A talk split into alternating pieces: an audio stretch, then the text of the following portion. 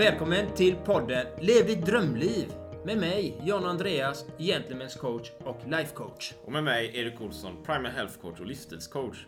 Vi samtalar om livsfrågor, optimal hälsa och äkta rörelseglädje. Vill du veta mer om oss så finns vi på sociala medier samt gentlemanscoach.com. Samt på twostrongarms.se. Då var vi här igen då, Erik. Då är vi här igen då, John Andreas, med ännu ett nytt riktigt spännande avsnitt. Ja, och vi har en fantastisk gäst här idag. Det är en föreläsare och faktiskt och en författare som faktiskt har varit med om utmattning och har skrivit Sårbar man. Vägen till inre styrka. Där han behandlar om människor, eller mäns känslor. Välkommen idag Thomas. Tack så mycket.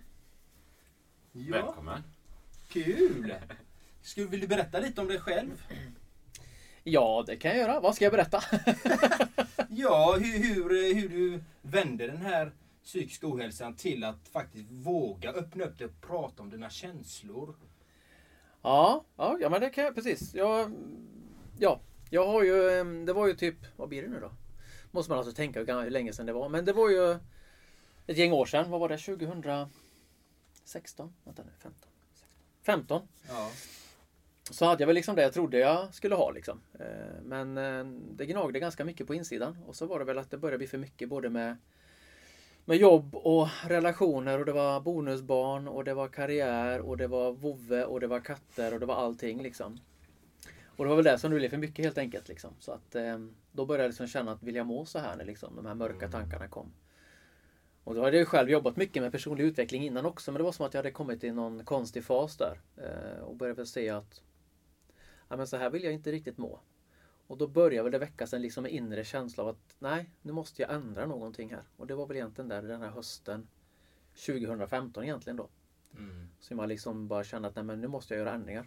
Och då började jag liksom ändra på tre perspektiv egentligen då med, med kost eh, och mat eh, och även träning och även att börja titta på mina mönster då. För jag insåg att jag hade väl ett beteendemönster då som skapar den här ohälsan liksom. Och så började jag liksom ta hand om det på, på olika sätt egentligen då. Så det är väl egentligen, i boken delar ju då min resa över tre år egentligen då från att ta hand om de här olika sakerna då. Och den är ju väldigt fin. Och jag rekommenderar den starkt till alla där ute att lyssna, eller läsa den, eller lyssna på den. För den Ja. finns faktiskt ute nu också. Precis! Så att eh, Sårbar man hette den och kan varmt rekommendera den. Och jag har ju läst den själv. Eh, när vi träffades första gången där så har jag läst igenom hela här nästan. Så att, eh, och jag, jag föll speciellt för den grejen. Jag har boken framför mig. Jag ska ta fram en något som jag tycker var så intressant här. Här står det, du har prövat olika behandlingar. Där man mer följer energiflöden i kroppen. Till exempel kraniosakralterapi. Och så även access bars. Ja. Skulle du kunna berätta lite mer om det? För det här är så intressant med att energier lagras i kroppen tycker jag. Ja. Alltså det var ju de behandlingar var ju ett gäng år sedan men alltså, jag har väl inte riktigt koll på exakt hur de gick till de här behandlingarna men alltså generellt så så använder jag ju den tekniken mycket idag med att liksom försöka se att saker sitter i kroppen liksom på Mm. något sätt och det upptäcker jag ju ganska mycket. Jag kör ju mycket meditation och, och mycket behandlingar där på olika sätt och det Ja, vad ska man säga helt enkelt? Det, Ja men det är som att det lagras minnen på något sätt. Som jag upplever i alla fall. Att det, det kan fastna saker i kroppen. Att man kan vara stel på olika Mm. sätt. Och kanske att det sätter sig. Det blir som en blockering på något sätt. Det här är ju ganska spännande ämne. Men inte riktigt vad ska... Nej, nej men det är spännande. Ja. Det är så spännande. För jag har ju själv erfarenheter av Ja. Jag har, andra, jobbat med andra tekniker. Mm. Och just det du säger. Det är därför jag fastnade för det. För det här är ju två olika tekniker som inte jag personligen har provat, eh, Ja. testat. Utan jag har testat en annan teknik, eh, Ja. meditationsteknik Ja, som heter precis. Vipassana då. Ja, Eller Vipassana kan man kalla det också. Och där är det ju att man eh, tittar på förnimmelser i kroppen, eh, de olika energiflödena som kommer i kroppen. Att man Ja. tittar på dem. och Jag upplevde ju själv precis samma som du, att det är lagrade minnen mm, som är där och det kan vara smärtsamma, mm, riktigt smärtsamma. Och när de löses upp då försvinner de här eh, minnena Mm, mer eller mindre. precis. Mm. Att de, blir inte, de påverkar en inte så starkt längre. Så det är därför de här... Men hur, hur fungerar de här eh, behandlingarna? Vad gjorde man på Oj. de här? Det var så länge sedan jag gjorde dem. Alltså det... Och jag gjorde ju bara honom någon gång liksom. Eh, hur funkar det? Ja, men mycket då så handlar det om Ja, du vet, jag måste ens tänka tillbaka. Jag har gått så många olika behandlingar så jag måste tänka vad det kan vara. Ja, men, alltså, jag kanske tänker så här istället. Det kanske är svårt för mig att förklara dem. Ja. Men jag, jag tänkte kanske en, en annan sak som, kanske, som jag tycker är viktig i den. Kan jag säga. Ja, då. Och det kan, jag- jag pratar ibland om något jag kallar för känsloryggsäcken. Just att vi bär med oss minnen från förr. Liksom. Att vi har ett på något sätt ett beteende som vi omedvetet agerar på ett sätt som olika typer av rädslor. Mm. Och jag kan säga det jag har upplevt är ju då att Ponera att man kanske är rädd för en situation. Att om jag vågar inte göra den här grejen. Om man är rädd att ta kontakt med någon eller man kanske är rädd för att segla eller man blir, blir rädd i en hotfull situation. När någon höjer rösten så kanske man verkligen hukar sig eller flyr och får den här rädslan. Då. Och det jag har använt mycket de här teknikerna då, kanske kraniosakral eller meditation, är ju på något sätt att möta den rädslan som kommer. Att stanna i den. Och då kan jag uppleva att det ofta sitter någonstans i kroppen. Att det sitter då, när jag liksom stannar i den meditationen, så kan det vara just att man upplever att det sitter kanske speciellt i höften eller kanske i någon axel. Att det sitter ett Alltså när man landar den här oron och försöker förstå den. När jag borrar mig ner i känslan. Vad är det jag är rädd för? Vad handlar det om? Alltså hela tiden skala den löken. Då kan jag ofta känna att det sitter i kroppen. Mm. Och sen det liksom den här loss, när jag fattar vad det är, då känns det väldigt starkt. Mm. I den känslan. Och det är som att det här minnet kom upp från när jag kanske var 13 år och kanske blev någonting hände. Och då precis när man ser den och upplever och känner den smärtan som man då kanske hade från länge sedan. Då kan den försvinna i kroppen. Då. Mm. Det är i alla fall min, min tolkning i alla fall av, av Ja. situationen. Och det gör för mig att man... Alltså det är det mycket jag upplevde i min, som jag också delar i boken, är ju den här resan av att just rensa gamla minnen. Mm. För vi omedvetet agerar ju på ett sätt som kanske funkade för som vi lärde oss för att passa in i en grupp. Mm. Men som kanske inte funkar idag. Men rädslan ligger kvar rent, ja, det måste vi också prata om lite innan, kanske lite biologiskt. Ja, att det. Det ligger kvar från ett överlevnadsperspektiv. Mm. Alltså jag har ju liksom betat av jättemycket gamla minnen från högstadiet liksom, när man var ja. lite osäker själv. Och, Mm. och liksom mycket rädslor och beteenden som har begränsat mig är ju där. Men nu när jag har löst upp och sett att jag behöver inte vara den där 13-åriga rädda Thomas för den där händelsen som var på högstadiet. Liksom. Jag, behöver inte, jag behöver inte ha det agerandet idag när jag är 40. Liksom. Och just att man förstår att ens agerande idag i vuxen ålder kan ha lagt sig tidigare. Ja. Och de är ju väldigt viktiga att se känner jag. För det är de som begränsar sig. Liksom. Jag är så rädd för det här. Ja, men vad handlar det om? Precis. Så det är kanske är det som är liksom min lite det här med, med, med både kraniosakral och axas. Det går väl liksom med en första introduktion till att Ja. liksom hitta saker i dig då på något sätt. Precis. Jag, jag kallar det pålagor. Mm. Att det är pålagor vi har fått för det överlevnadsstrategier Mm. som vi har lärt oss. Mm. Kanske inte är de bästa men det var det vi hade, de verktygen vi hade när vi var små. Mm. Och de tar vi med oss i vuxen Precis. ålder. Ja. Och de kanske inte är så gynnsamma alltid. Nej men precis. Och det, det är ju det som är så intressant när man tittar på de bitarna och verkligen, ja men det- är därför jag är på det här sättet. Mm. För att jag har fått det här av de här situationerna. Jag har blivit lärd på det här sättet. Och man verkligen är en forskare i sitt Mm. eget liv. Det är så viktigt tycker jag. Och jag, jag måste säga själv, jag är ju ingenjör i grunden och väldigt Ja. logisk person. Så jag tycker ju liksom, när man först började tänka så här så kändes det så jäkla flummigt att det här är ju något, det här är ju helt, vad tokigt. Ja. Är du dum i huvudet eller sånt här ska du inte hålla på med, det är ju skitflummigt. Och jag vågade inte berätta i början heller, typ att jag Nej. gick på yoga eller olika, det känns ju så jäkla flummigt. Mm. Men eftersom jag är också ingenjör och tycker om liksom forskning generellt och jag tycker om älskar universum, alla olika typer av perspektiv. Så börjar jag liksom också bli mer och mer ödmjuk och skapa förståelse. Och jag tycker speciellt Anders Hansens böcker är väldigt fina. Mm. Och jag tycker han beskriver det också så bra i det här med att på något sätt att förstå att vi är skola, alltså vi är ju 200 000 år är ju människan tror jag ungefär. Ja. Och att, att vi är vana att ha mindre grupper. Och så tänker jag de här beteendena som vi då har lärt oss, som vi kanske då undermedvetet har lärt oss att så här ska vi anpassa oss till våra föräldrar, till vänner i vår omgivning, till gruppen eller den stammen helt enkelt vi var i. Det är ju en överlevnadsstrategi som har funnits då i 199 900 x år. Då? Ja, Ja, visst. ja. Precis. Absolut. Men sen så då så flyttas vi så otroligt mycket men de här ligger ju kvar. Mm. Och det blir för mig liksom en förklaring av att ja, men det, då är det ganska naturligt, det ska ju vara omedvetet att jag ska agera på ett sätt. För det handlar ju till syvende och sist om överlevnad. Mm. Ja. Och då blir det så, då tycker jag i alla fall det är skönt för mig i min lilla logiska hjärna också att förstå att ah, det är ju inte helt konstigt liksom. Att, att på något sätt sätta sig. Ungefär som att man drar handen från en varm platta till exempel. Det ska vi inte tänka på. Fan, här var det skitvarmt på den här plattan. Nu börjar min, eh, ska se, andra gradens, första gradens, tredje gradens brännskada eller vad det nu må bli liksom. Utan du drar undan handen. Precis. Precis som Ja, du reagerar i en ja. situation som kan vara hotfull. Ja, Då ska du ju fly. precis. Eller du ska gå till attack. Eller du ska göra. För att du, du ska ju, det här är farligt för mitt liv. Mm. Men idag reagerar vi med de här farorna för vårt liv i situationer som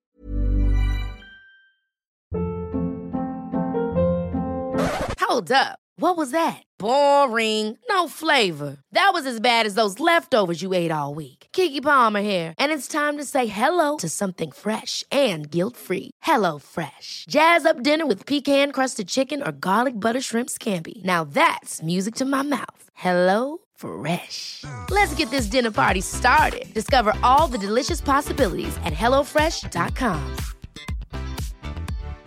Here's a cool fact a crocodile can't stick out its tongue. Another cool fact you can get short term health insurance for a month or just under a year in some states.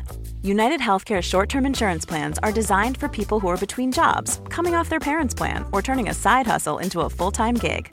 Underwritten by Golden Rule Insurance Company, they offer flexible, budget friendly coverage with access to a nationwide network of doctors and hospitals. Get more cool facts about United Healthcare short term plans at uh1.com. Hey, it's Ryan Reynolds, and I'm here with Keith, co star of my upcoming film, If, only in theaters, May 17th. Do you want to tell people the big news?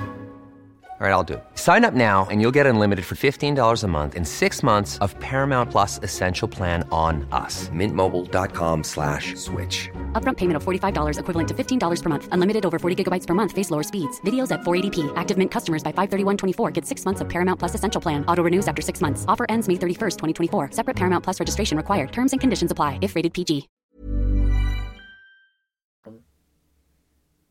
troligtvis inte är fara för våra liv. Precis, Exakt. precis. Ehm, precis. Eller hur? Va? Och, ja, det, det, det är spännande. Så här. Ehm, och jag, jag jobbar ju som primal health coach där då, och det är precis det vi tittar på. Och Anders Hansen och alltså, allt det där hänger ihop. Det hänger ihop så himla väl. Va? Och, som vi pratade innan vi spelade in podden här, tog lite kaffe och pratade evolu- evolutionen. Vi har den här 250 000-åriga hjärnan i det moderna samhället. Ofta när jag pratar om det brukar jag inte säga 250 000 heller, utan jag brukar säga 2,5 miljoner år. Om vi går ännu lite längre tillbaka då. Och då har vi det massiva, massiva perspektivet som pågår här fram tills eh, väldigt nyligen. Sen, sen sen jordbruksrevolutionen, 10 000 år sedan.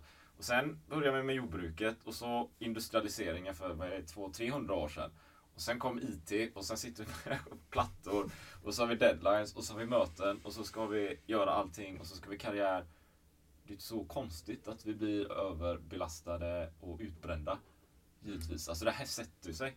Och jag, jag, jag tänker också som du berättade Thomas, här, en tanke att antagligen är det ju så någonstans eh, att, att vi har utvecklats under den här perioden och allt det bagaget vi bär med oss är gjort för att vi ska hantera vissa saker här. Men när vi kommer in i det moderna samhället så blir det någon sån clinch där. Mm. Och det är det som sätter sig. Det är därför vi blir utbrända. Mm. Mycket hänger ihop med varandra.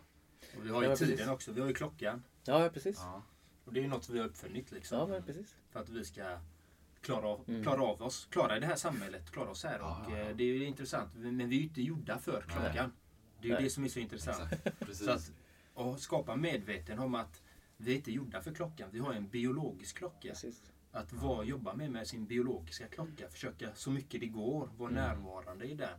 Är man trött så är man trött. Då vilar man. Och kanske man är pigg kanske tre på natten. Då är man pigg tre på natten. Mm. Då kan man gå upp. Mm. Man behöver inte hela tiden... Jag har själv varit väldigt klockstyrd i mitt liv. Extremt mycket. Så jag, jag förstår ju att många där ute är det. Men vi är inte gjorda för klockan. Hur ser du på det? Alltså, klocka, jag, tänker, alltså, jag, jag tänker alltså, mina tankar springer iväg på andra sätt, men jag tänker som du säger klockan och stressen. Och så, jag tänker också att det blir en större sak i Alltså klocka och stress, det är också att, att mängden information också rent biologiskt blir svårt att hantera. För att vi får ju så mycket information. Jag tycker också, vi, om vi är tillbaka till Anders Hansen då, hans senaste bok med skärmhjärnan. När han pratar om Alltså just det här med mängden information också är svårt att hantera. Att, för vi ska ju också biologiskt reagera på, jag har något ett exempel där, liksom, typ att, att vi vill ju, vi ska ju fortsätta leta efter saker. Om vi går upp i ett första trädet då och så hittar vi ingen frukt. Ja, så ska man gå till nästa träd. Och för att det kanske finns frukt där. Och så går vi till nästa, för det kanske finns frukt där. För se om du går upp i ett träd och så fanns det ingen frukt. Nej, jag slutar leta. Ja, då kanske du inte överlevde. Mm. Och finns det någon fara där ute så ska du försöka se om det finns någon fara. Och finns det risk för någon mer fara, då ska du ha koll på den faran. Precis. Och så kan man då säga, du kanske då klockan, men också då sociala medier, nyheter. Men speciellt idag, har det hänt någonting?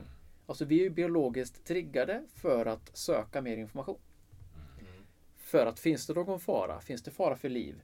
Finns det kanske någon mer möjlighet att vinna någonting? Så allt det här triggar oss ju mer och mer att gå in i saker och ting. Och det är också svårigheten att stänga av det här med information. Och också då kanske klockan. Ja. Men liksom hela den här vi, vi, vi fattar ju inte att vi, vi måste ju, biologiskt så triggas vi av detta. Så vi måste ju medvetet stänga av alla intryck. Du, du, du nämnde innan här också att du inte läser så mycket tidningar och nyheter och sådär.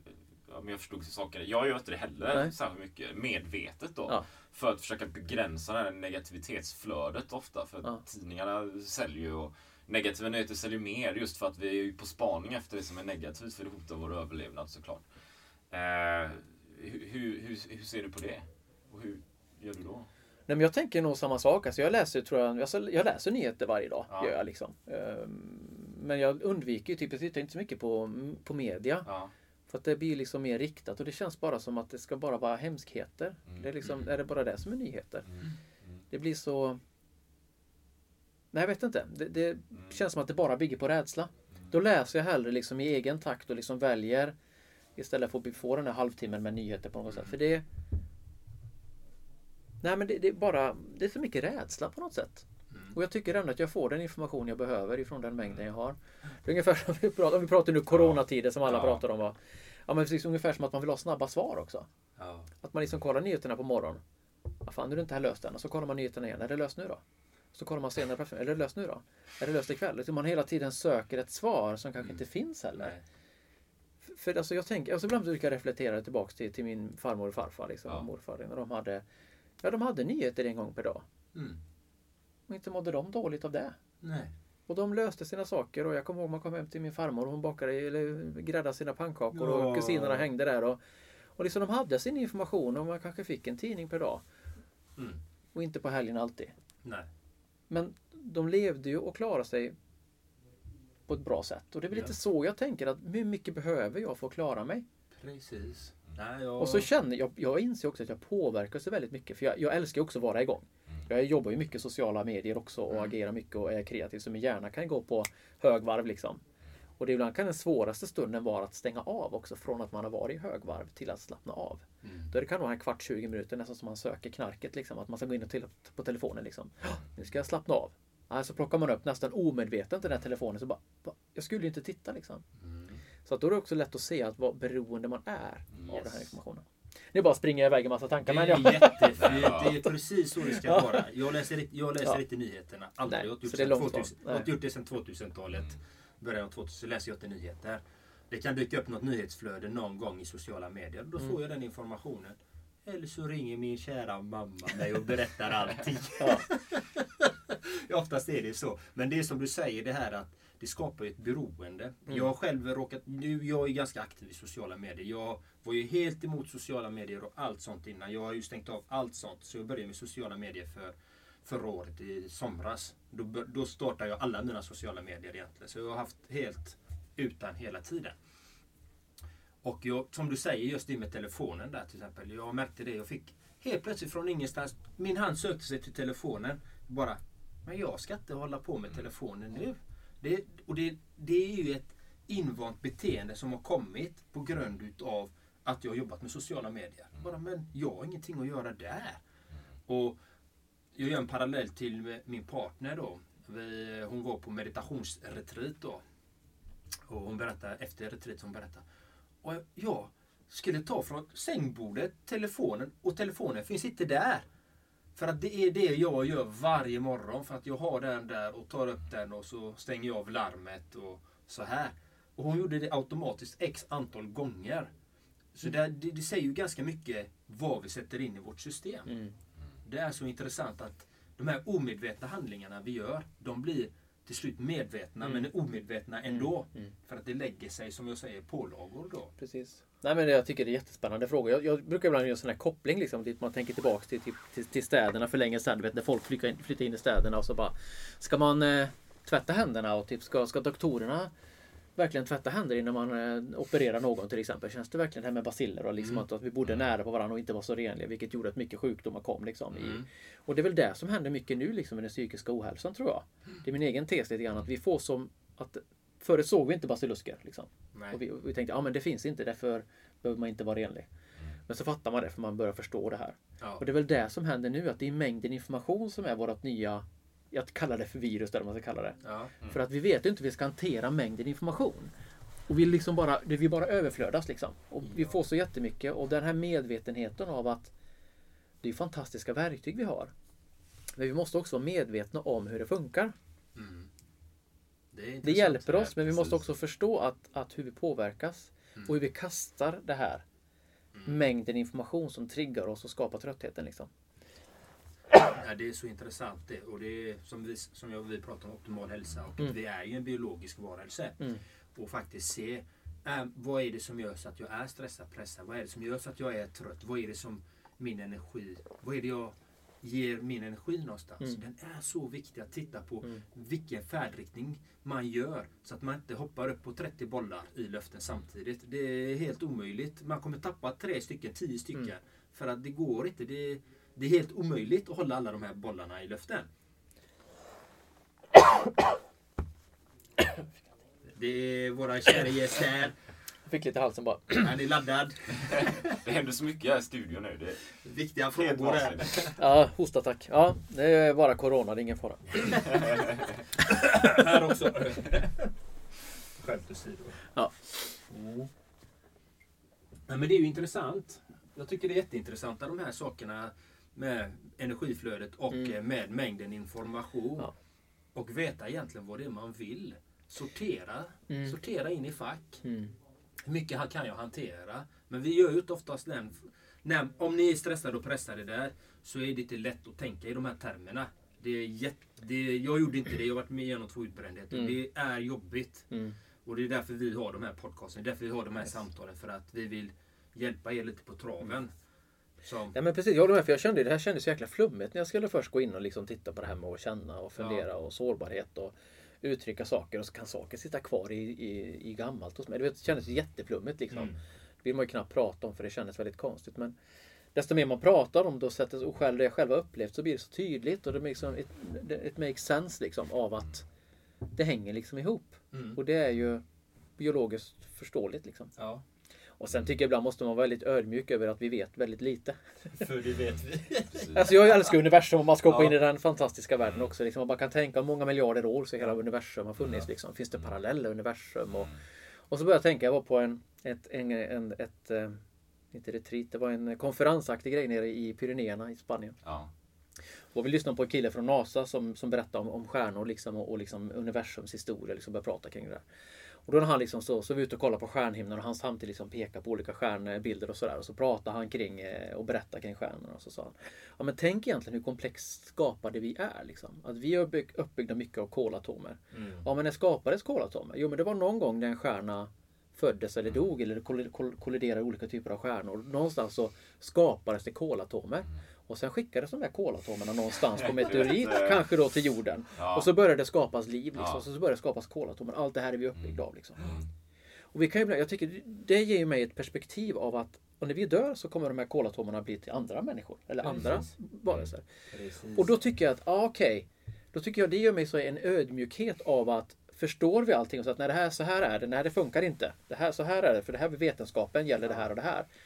Ja, jo, men det är väldigt mycket som vi inte vet. Så med den ödmjukheten över att vi är ändå en del av universum så är våra vardagliga problem att säga att nej men så här är det. Det funkar inte med känslor på det här sättet och det sätts alls inte i kroppen för det har vi inga vetenskapliga bevis på. Ja men okej, men om vi ändå är lite ödmjuka för våran egen förståelse av helheten. Så blir det liksom, då blir det lite annat perspektiv. Precis, tycker jag- precis. Det är liksom min forskningsdel i mig då som, som skapar lite tankar. Men Ja, men det blir så det mycket, alltså i det lilla livet vi är just nu så är det ju en, en blinkning i universums historia. Ja. Om man kommer att se Ja. tillbaks på det här om ett par tusen, tiotusen år Ja. så är det också en blinkning. Ja. Så vår upplevelse just nu är ju väldigt... Ja, det låter som att jag gör det litet. Men att det är ju litet, Ja. men det är också stort. Ja. Och det är det han sa då, att, att tänk faktiskt att vi sitter och står här just nu. Är ju faktiskt helt fantastiskt. Det är helt magiskt. Precis, precis. Bara det, alltså, att det faktiskt att det har blivit så. Liksom. Och att vi tre sitter här. Ja, precis. Ja, men det, det, det, är, det är ett mirakel. Ja. Och de här, alltså livet är ju en gåva. Det är ju det som är så fantastiskt att vi har fått den här gåvan. Från Gud vet var eller den, vi, vi existerar. Det är det vi är fullt medvetna om i det här rummet. Men hur vi har kommit till, det vet vi inte vi. Ja, det var en spermie och ett ägg. Det är det vi vet. Mm. Liksom, och, men i det stora hela, vi har ingen aning. Vi kan kalla det Gud, vi kan kalla det universum, vi kan kalla det precis vad som helst. Vi har, ingen har en aning om vi ska vara helt ärliga. Det är så enkelt är det. Så det enda vi kan vara är ödmjuka och säga, vi vet inte. Ju mer vi använder det Precis. ordet, jag vet faktiskt inte det här. Det är då det öppnas upp saker. Precis. Men precis, vara, precis som du säger, vara öppen för att det kan finnas. Alltså, inte säga att så här är det, för då är det Precis. väldigt begränsande. För om man bara pratar forskning så är det ju liksom, då Ja. testar man ju teorier för att sen Mm. få ett svar. Liksom. Mm. Och då måste du ha en tes över någonting. Och en tes kommer av ett, en hypotes Mm. som ligger av någonting som man kanske vill testa. Och Yes. sen så gör man forskning. Men du måste ju först filosofera kring vad som kan vara. Precis. Och sen vara öppen för möjligheter. Liksom. Precis. Precis. Precis. Och samtidigt så kräver det ju sin eh, man kanske, eller, eller kvinna då, att våga vara öppen där liksom. Att vi vet inte allting. Mm. För jag tänker också som kanske en ingenjörsbakgrund, eller jag, jag är själv väldigt analytisk av mig. Och vill gärna vet, tro mer innan kanske att jag kunde det mesta. kunde allt liksom och inte behövde eh, tänka så mycket i sådana banor. Va? Utan det gäller ju att vara öppen och, och ödmjuk och få det här perspektivet också. Det är inte alltid så lätt kanske. Det gäller att komma till vissa insikter Mm. eller vara med i vissa utmaningar. Som en Mm. utbrändhet kanske för att Mm. få de här tankeställarna. Mm. Helt klart. Där- Ja, men det finns så mycket där med rätt och fel och sårbarhet och att man ska ha rätt eller fel. Och, och sen att inte veta, hur känns det? Mm. Ja, det känns jobbigt. Man vill ju veta, man vill ha svar. och så. Ja. Men rätt befriande också kanske, eller? Mm. Jag kommer ihåg när jag, när jag var liten så här, jag sa, jag sa aldrig att jag inte visste, utan jag sa nog att, att jag visste snarare så här. Men nu för tiden kan jag tycka att det är väldigt befriande så här, jag vet inte. Jag har ingen aning Mm. om det funkar så eller så. Det kan vi ta reda på då, eller så är det något helt annat. Men det lyfts ju ett ok från axlarna kan jag uppleva. Det är ju Jag vill det. inte erkänna så här. Eller? Mm. Ja, men det är ju det som är så fint, det är att det finns så mycket kunskap här ute. Liksom. Alla har sitt sätt och alla jobbar på sina sätt. Och det är bara att öppna upp. Mm. Det finns någonting för alla. Mm. Och jag tycker det är så vackert faktiskt. Det är helt magiskt. Men jag tänker på du har ju skrivit din bok. Du Mm. har ju föreläsningar om Mm. den här psykiska ohälsan och om känslor. Mm. Eh, och vilka möten får du i responsen där bland män då? Eftersom det är oftast män som har, som jag uppfattat det själv då, jag är ju själv man eh, förhoppningsvis. Nej. Nej men jag tryckte ju alltid ner mina känslor förr liksom. Jag kunde inte prata om, jag ville visa mig stor och stark, ensam är stark och stolt. Och, hur upplever du det? Var det så för dig att du upplevde att du inte kunde prata om dina känslor förr eller stängde du in känslorna? Ja, nej men jag tror jag, alltså tidigt så stängde jag in tror jag och jag kanske inte fattade heller att jag stängde ner liksom på något sätt. Men det var, jag inser i efterhand att jag var ju väldigt rädd för att jag tänkte fel liksom. Att jag, att jag kände och tänkte på ett sätt som inte var okej. Det är ungefär som att jag upplevde nog att alltid min känsla var fel. Mm. Ja men så här får man inte prata, jag tänker fel. Det var som att en del av mig var fel liksom. Mm. Och därför tror jag att jag kände att jag var tvungen att fixa för alla och kanske anpassa mig väldigt mycket. Och Mm. försökte vara med i grupper för att passa in liksom. För jag var ju lite fel liksom. Jag tänkte ju och, och kände på fel sätt liksom. Mm. Så det var mycket det som jag tror jag hade med mig liksom av att men sen jag, liksom, jag har ju liksom lyckats bra med, med liksom både skola och, och liksom, jag har haft mycket vänner och sådär. Men det kanske var att jag alltid haft en distans av att om du vet, kommer man på vem jag är på riktigt, då kommer man tycka att jag är konstig. Mm. För att jag har ju liksom känt att det är en del av mig som inte är okej. Mm. Jag är inte liksom cool och inte tuff och Mm. tyckte inte om att mecka med bilar eller mopeder eller vad det nu må vara. Liksom. Att jag kände att ja, men jag tänkte att jag tänkte att filosofera på ett sätt som inte män gör till exempel. Mm. Men så tänkte jag en annan sak som jag får också mycket kring föreläsningar och sådär när man pratar känslor och sådär. Mm. Så också, så jag tycker det, det är väldigt intressant att det är väldigt känsligt, haha. Nej, men väldigt laddat, För det är så, ha, vet, det blir så här, men liksom, då ska vi prata känslor? Liksom, ska vi gå runt och vara känsliga hela tiden? Och då säger jag att nej men det handlar inte om det. Men det handlar om att när du mår dåligt, om du går igenom en separation, om du har problem med någonting på jobbet eller något annat och du går igenom sorg. Kan du prata med dina manliga vänner då? Ha, kan du liksom uttrycka dina problem och kan du söka stöd? Mm. För jag tror det är mycket där det handlar om att på något sätt så lär många, alltså det är säkert hos kvinnor också, men speciellt hos män att vi, vi, vi lär oss inte att våga vara sårbara med våra manliga vänner. Vilket sen blir ett hinder senare i tiden. Vilket gör också att det blir väldigt ovant och laddat av att sen börja prata om det här. Då. Mm. Men det är egentligen det som är, alltså en av mina grundsyften är att vi måste börja prata mer Mm. kring de här. Då. Så att, att just när det behövs så ska det finnas ett tillfälle. Ja. Jag har ett exempel på en, en, en vän som jag pratade med det här om då. Så berättade han då i, eh, en i hans, han spelar ett band då. Så berättade han att, att vi pratade just om det här. Och då sa han, ja men det är faktiskt sant för ena killen i bandet, då hade han separerat från sin tjej sedan tio år tillbaks då.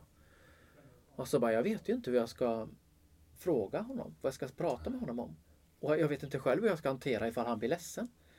Så då valde de inte, så då vågade han inte prata om det. Mm. Och det är en sån här intressant sak att det är det som är det intressanta Ja. av att hur kan vi få hjälp? För annars känner vi oss jäkligt ensamma. Ja. Det var ju det som Ja, hände när ja, jag mådde piss där Ja. 2015. Liksom. Jag har ingen att prata med. Mm. Och jag vågar inte prata för då kanske fasaden rasar. Yes. För jag kände mig ju så otroligt, så otroligt ensam. Ja. ja. Jag har varit med om det också, eller samma Precis. sak liksom. Så att jag vet ju det. Men det finns inget bättre än att faktiskt våga prata om Yes. det och våga titta inåt. Yes. Våga se hur du är skapt och varför du känner som du känner. Det är, ingen, det är ingen fara. Det Nej. är bara vackert. Du blir en hel människa, mer hel, när du pratar om dina känslor. Det är det som är så vackert. Det är det. Det är så fint när man kan faktiskt visa vem man är. Det är då man på riktigt kan bygga riktigt fina och sunda relationer. När du vågar tala om dina känslor och vågar visa vem man är. Det är så viktigt tycker jag personligen. Ja, ja, ja precis. Och, och ett, en, en reflektion där bara. Jag vet, jag har en, en kompis som också sa det någon gång. Liksom, att, att vi män, eller ofta är det män då, vi Ofta när vi umgås så går man till puben kanske och så sitter man och dricker öl ungefär. Och så har man den här kanske spännande konversationen i och för sig, men kanske på sätt och vis den här ytliga konversationen. Då, det blir sällan någonting annat. Sådär. Det blir inte den där djupheten kanske. Och, och när man umgås så är det kanske på puben. Eller så är det något slags idrottssammanhang där man eventuellt tränar. Och, och, och that's it. Liksom. Det, det är svårt att hitta andra miljöer där män kan umgås och prata om andra saker utan att kanske dricka öl och sådär va. Hitta andra miljöer. Så. Och jag tror just det, och det som jag, jag tror det här som det är liksom, det är lite av problemet också, att det finns en det finns en ovana att man inte vet hur man ska hantera det. Och sen så finns det också då en, en, en rädsla, vilket jag också upplever. Alltså ibland kan jag tänka att min bok känns som radioaktiv för väldigt många män. Den heter ju Sårbar man. Nej, men jag vill inte vara sårbar. Det är nästan så det ligger väldigt mycket laddning i den. Och det tror jag också grundar sig lite grann i, det är min egen tes då, men att, att det är också väldigt många män som är rädda för att sticka ut. För säg om man då råkar ta upp någonting, att jag skulle, för det var ju det jag upplevde. Att tänk om jag nu, ja men jag skulle vilja prata om den här saken, den här känsliga saken. Men det, det gör jag det så får man ju någon smäll på armen, eller ja, fick man då under tonåren då. Vet du vad fjantig du är, vad löjlig du är. Och jag tror det också kan ligga kvar. Men jag tror det finns en längtan hos många av att faktiskt prata om andra saker. Men man vet inte riktigt hur. Nej. Och man är också väldigt rädd att lyfta det. Ja. För att då finns det också en risk av att du då vanligtvis går på puben. "Ja, men Jag skulle vilja prata om det här. Nej men det, sånt pratar vi inte om. Och då stänger man kanske den dörren till den personen. Exakt. Ja. Och det kan ju vara som jag säger i mina eh, föreläsningar och liksom också att, att, att det kanske det första är att man ska prata om att prata. Och kanske bara lyfta att jag skulle vilja att, att, att vi vänner, när det väl behövs så skulle jag vilja att vi, vi måste kunna få prata om de här jobbiga sakerna också. Hur ska vi göra då? Mm. Så man kanske inte börjar med att lyfta något prat, eller jobbiga, utan bara prata om att prata. Mm. För jag vet en annan eh, god vän till mig som också berättade en, en liknande sak. Då var de i ett grabbgäng som alltid sågs några gånger per år. Och då såg han sin, han liksom hade så, så berättade han, berättade han, började han tänka, men hans pappa. Och såg att hans pappa liksom hade ju typ inga manliga vänner som umgicks, utan det var bara via hans fru då. Så tänkte han, men så här vill inte jag ha det när jag blir gammal liksom. Och så såg han hans grabbgäng. De sågs, pratade bara gamla minnen. Bara gamla minnen, bara gamla minnen och det här och det här och lite sport och idrott liksom. Och då insåg jag att men om vi kommer fortsätta med det så kommer vi ju det kommer, vi kommer ju tappa den här kontakten. För vi, vi kommer till slut så blir det inte roligt att pra, prata om studentminnen längre. Mm. Det, det liksom kommer någonstans vattnas ur när, liksom, när, när det går igenom andra saker i livet. Så det gjorde han så på den nästa deras grabb eh, då. Stod han upp det. Så att jag vill att vi ska prata mer om det här och det här. För jag vill att vi ska kunna umgås på längre sikt. Och jag vill liksom ha en långsiktig relation med er. Så att vi, har, vi är goda vänner över lång sikt. Men då tror jag också vi behöver prata om nya saker. Och prata om det som händer i livet just nu. Så de hade en jättefin diskussion i det grabbgänget då. Och därefter så blir det liksom, de ses ju fort var, varje år. Men det blir, fort, det blir mer att de kan prata om saker som händer nu. Ja. Så de har ju blivit starkare av detta. Det är det man blir. Men det är just det där att våga prata om det. Mm. Våga lyfta det. Och, och, och faktiskt det finns, vad jag upplever i alla fall, en längtan. Och det handlar ju inte heller om att ja, nu ska vi liksom hela tiden prata känslor och vi ska prata jobbiga saker. Utan det ska finnas, när det behövs, ska jag kunna säga att jag behöver hjälp. Precis. och att det inte är fel just nu. För vi, alltså har man gått igenom separation, sorg, problem på jobbet, allting. Ja, men det är ju utmanande. Mm. Då kan vi ju ta hjälp. Men Det är inte nog- det som är ja, grundkänslan liksom. Verkligen. Och det är nog väldigt lätt i utmanande situationer att i första hand sluta sig själv. Det kan, det kan jag märka också tidigare också i vissa utmaningar. Det är tufft nu. Och då, pratar, då pratar jag mindre liksom. Då slutar man sig själv och det blir ännu svårare att bara öppna upp den här luckan. Och dessutom om man ska prata med sina manliga vänner. Det blir det ännu lite svårare. Och om man då väljer att göra det så kanske det inte, man har inte pratat om att prata. Och då lyfter man någonting och så blir det den här reaktionen, ja men det är någonting, så viftar man bort det. Eller någon som kollat på sin mobiltelefon eller någonting, ja men det var inte det så viktigt. Och så sluter man det här igen. Och så säger man ingenting mer för man gav det liksom en chans. Och så går man tillbaka till där man var och så sitter man ändå där i sin ensamhet. Va? Nej, men det är ju ofta så att vi faktiskt, jag har ju själv gjort det liksom, man trycker ner känslorna och till slut blir man ju ensam. Man blir ensam. Eh, Du, du isolerar dig och du hamnar i ditt mörker. Det är, det är oftast där det blir liksom. Och jag vet att det finns många som är ensamma som kanske inte har vänner. Som kanske inte har de här familjerelationerna eller någonting. Som kanske är helt ensamma. Och därför är det bra att gå till en terapeut som Thomas föreläsare eller som en primal coach eller som jag då livssyfte coach. Liksom. Det är därför vi finns också. För att vi ska finnas där som ett stöd till alla människor egentligen. Och det är därför vi gör detta för att få inspirera människor och våga öppna upp för att vi är människor. Vi är unika varelser. Vi har det här livet nu. så det bästa är att göra det bästa av det. Så att jag tycker det är så intressant. Men ja, hur ser du på optimal hälsa? Oj, ja, det beror på vad man lägger i värderingen optimal hälsa. Ja, hur, vad lägger du det? Du pratade om kost innan och så också vet jag. Ja. Men optimal hälsa? Det var en spännande fråga. Men det är såklart, det är alltid, det är alltid utifrån sig själv såklart vad optimal hälsa är. Mm. Alltså, jag pratar ju ofta mycket om balans på något sätt. Då. Det är väl också både en... Ja, vad är optimal hälsa? Ja, det är må bra. Vad är hälsa för något? Vad är hälsa för någonting? Ja, vi börjar där då. Vad är Oh, hälsa? shit. Det är bra att man delar upp det för att det blir Ja. enklare. Optimal. Vad är hälsa? Hälsa. Ja, det, ja, alltså, det känns som det finns så mycket i det här. Det känns som en hjärna bara springer, springer, springer iväg. Ja, vad är din första tanke när vi säger hälsa? Då? Ja, men hälsa är att må bra. Mm. Vara lugn i det som är. Det är ju också att, att, att skapa med glädje. Att göra saker och balansera det som händer. Eh, Men tänker vi pratar mycket om det här med att sortera intryck till exempel som Mm. händer omkring en. Det är också en hälsa, hälsodel. Jajamän. Jag är ju själv ute och vandrar mycket och tränar och yogar. Det är ju också väldigt mycket Mm. hälsa. Maten, kosten, att också äta rätt. Det blir på något sätt att hålla, hålla sig i en skön energi på något sätt och Ja. må bra. det var ett jävla Ja, långt men det svar var på detta. Nej, men det, det är jättefint för det är ju precis så livet är liksom. Ja. För jag känner ju, för, ibland, för mig är det just den här Alltså jag är en sån som andra mycket och liksom bland, att, att, att inte att jag kör stenhårda träningspass utan det är Jag tränar ju och rör mig för att må bra, för att hålla en balans och, och, och allt det på något sätt. Och jag är liksom inte nitisk åt något håll he- heller liksom på något sätt. Jag, alltså, och med mat också så är det ju också att jag, jag tycker ju om mat. Mm. Jag tycker om att äta olika, jag tycker om att laga mat och skapa liksom. Och just det liksom att jag kan ju inte bara äta en, en, en pulvershake till exempel. Det har jag aldrig ätit. Mm. Utan jag vill ju laga mat liksom. Ja. Alltså så att det ska vara smak i det liksom. Har någon, har Det är också någon glädje, liksom. inriktning på något sätt på kosten eller någon, någon eh, speciell kost du föredrar eller? Alltså på något sätt, nu ska, vi ska prata mat. Nej men jag tycker ju om eh, rena smaker. Ska säga. Alltså det italienska kan man som vet. Att du har liksom mycket smak i något. Liksom. Mm. Att det ska vara en, en god... Eh, alltså nu äter jag mycket veg- vegetariskt då, men Mm. att det ska vara olika fina smaker. Liksom. Att det ska vara en god ost eller det ska vara om det nu är någon... Lite basilika, oregano. Ja men precis, precis, precis. Lite sådär. Det ska vara... Svartpeppar. Ja, men liksom. olivoljan. Ja, ja, men oliver. Men det är också livet tycker jag, glädje liksom. Alltså, att det är inte bara, för mig är det inte bara näring utan det, Att laga mat är hälsa. Ja.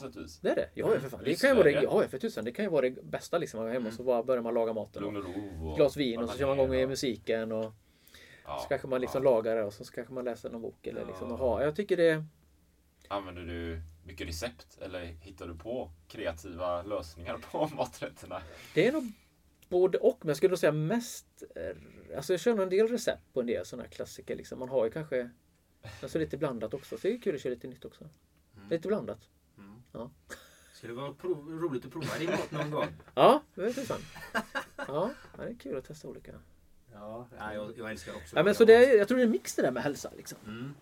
Det är det. Men, och så tänker jag också, det här med också, men vi pratar om det här med lugnet också. Ibland tycker jag man kan kalla det för popcornhjärna. Vi, vi eh, västeuropeer eller är ju väldigt så monkey brain som Mm. asiaterna kallar oss ibland. Att vi är så mycket, det ska gå så fort allting. Liksom. Ja. Men vad fan är det vi ska hinna?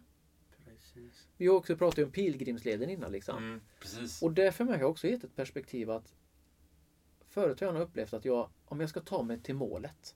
Det var som jag upplevde på pilgrimsleden. Jag ska ta mig till nästa by så fort som möjligt och där ska jag sedan vila. Och sen börjar jag liksom, men nej, vänta nu, jag, jag, jag, går ju på resan. Själva dagsetappen, varje möte, varje fin vy jag ser. Och jag tror det också har fått mig att stanna upp också. Att de lagar den här maten. Varför ska jag snabbt få in mig näring? Vad är det jag ska göra då? Det är någonstans där som jag tycker har blivit... Ja, det är ett jäkla långt svar på det här med Nej, glädje. nej, nej, men det är så mycket jag tycker hela tiden är upplevelser. Jag kan ju älska att gå upp till Botaniska trädgården och bara kolla, fan nu börjar det.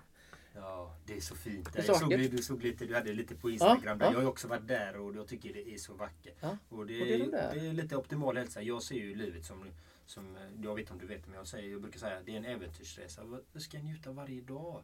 Du, du kan ha fint och harmoniskt varje dag. I varje stund, i vad du än gör. precis. Det, det är ett val man väljer. Yes.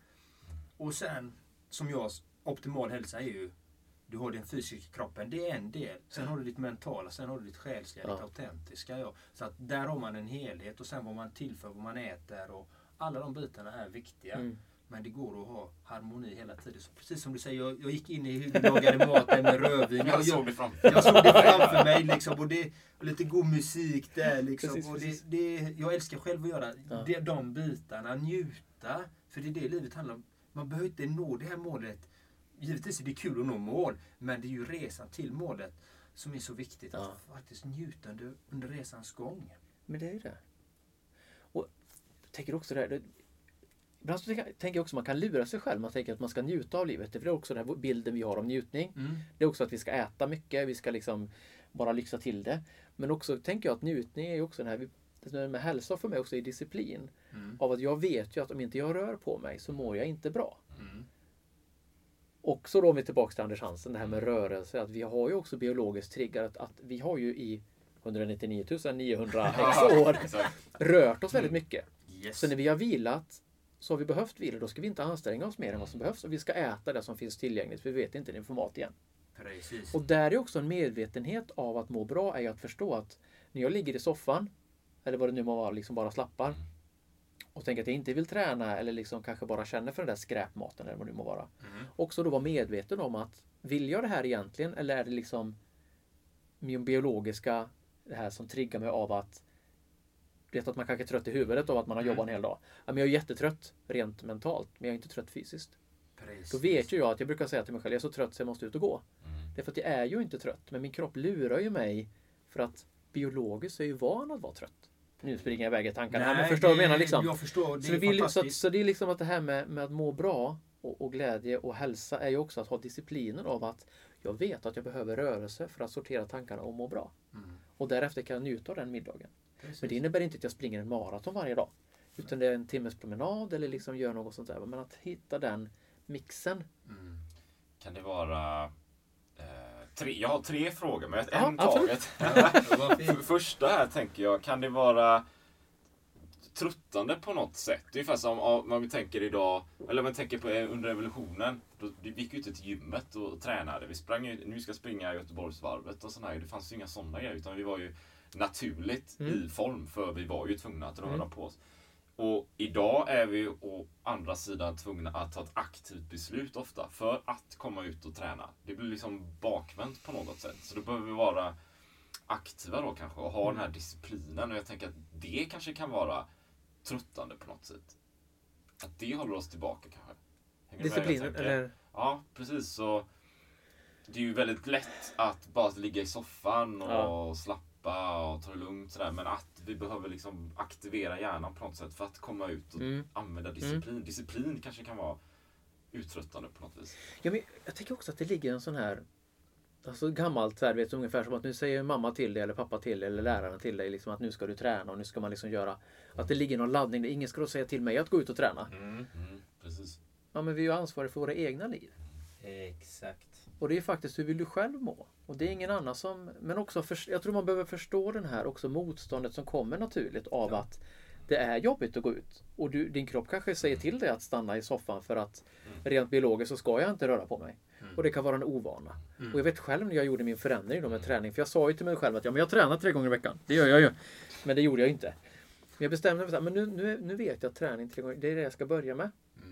Och det var ju jobbigt i början att komma iväg ut. Det var inte alltid att jag tyckte det var roligt. Men jag bestämde mig för att jag vet att jag mår bra av det.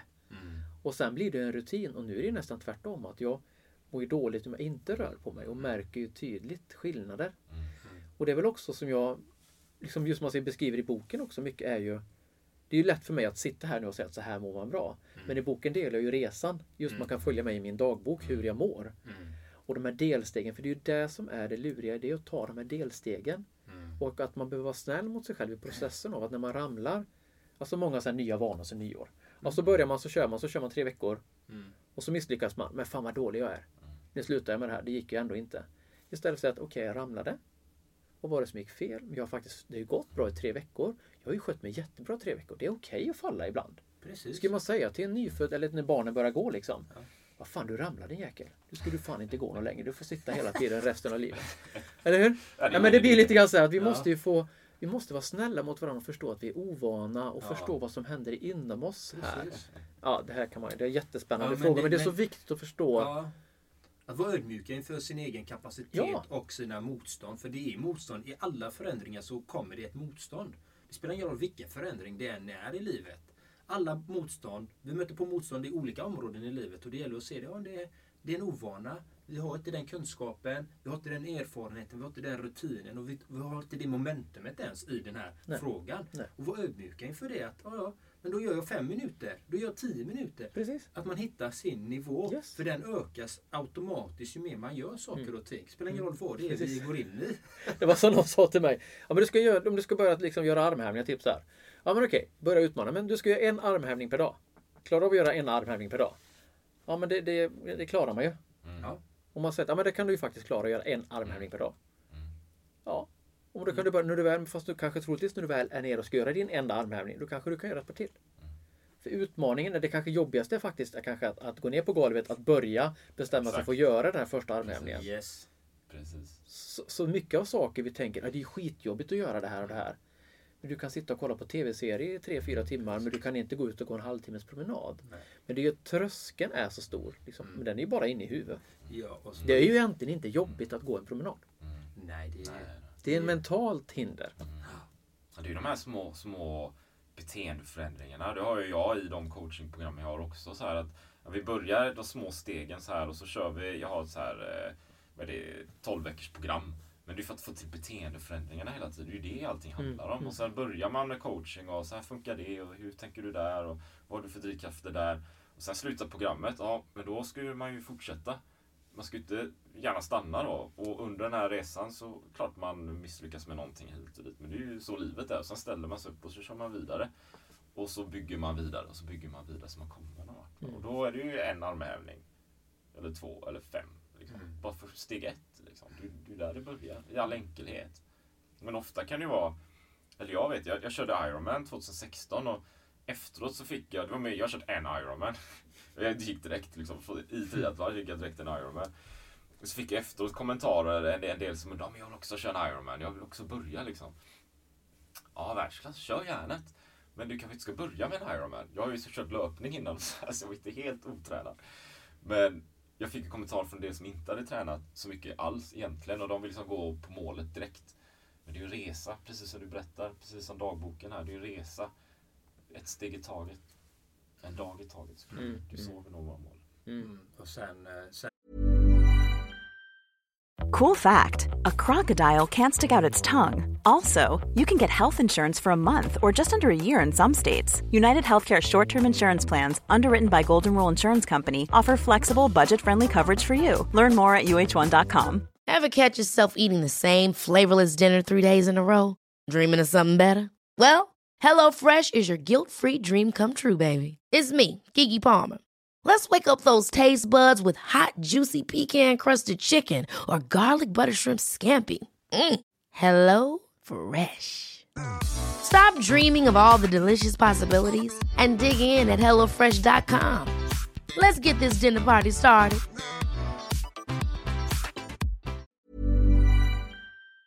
Sen är det ju syftet. Mm. Det är så viktigt varför. Varför du gör det du ska göra. Varför vill jag komma i form? Varför vill jag exakt. ändra mina vanor? Det här varför är ju så extremt viktigt. För är det väl förankrat ditt varför så kommer man göra det. Det spelar ingen roll om du är trött, om du är vad det än må vara. Du kommer göra det för att ditt varför är högre. Om du hittat ditt varför du ska göra det. Om du vill ha bättre hälsa. Hitta varför. Varför? Jag vill vara det med mina barn. Jag vill vara det med mina barnbarn. Jag vill leva längre. Eh, Jag vill kunna uppnå de här sakerna. Därför vill jag ha min hälsa. Eh, Därför jag vill ha fina relationer. Alltså, ditt varför är så viktigt att du har ett högre varför. Den, eh, det är ju det som personligen driver mig. Liksom, och det är det jag coachar mina klienter. Hitta sitt varför. Livssyfte i alla områden som de kan använda sig utav. Och när man gör det, det blir harmoniskt. Du behöver inte stressa, du behöver inte känna dig pressad. För då har man ju verktyg och metoder att hitta, återkoppla till sitt Mm, varför mm, hela tiden. mm. Varför man gör de sakerna man gör. Och givetvis 9-10-regeln eller 8-10-regeln som många har. För in 8 gånger av 10. Bra mat, bra tankar, titta på bra saker 8 av 10 gånger eller 9 av 10 gånger. Lyssna på fin, fin musik eller fina talks eller fina poddar som här. till exempel, allting är av betydelse. Så att då är man ju mer motståndskraftig till de externa faktorerna som kommer. Och de interna faktorerna, ens tankar då. Då är man så mycket, då är man robust. Då klarar man av att hantera corona eh, rädslorna som Mm. sprids i media eller vad det nu må vara. Då har du, då har du en bas att hantera dig från. Mm.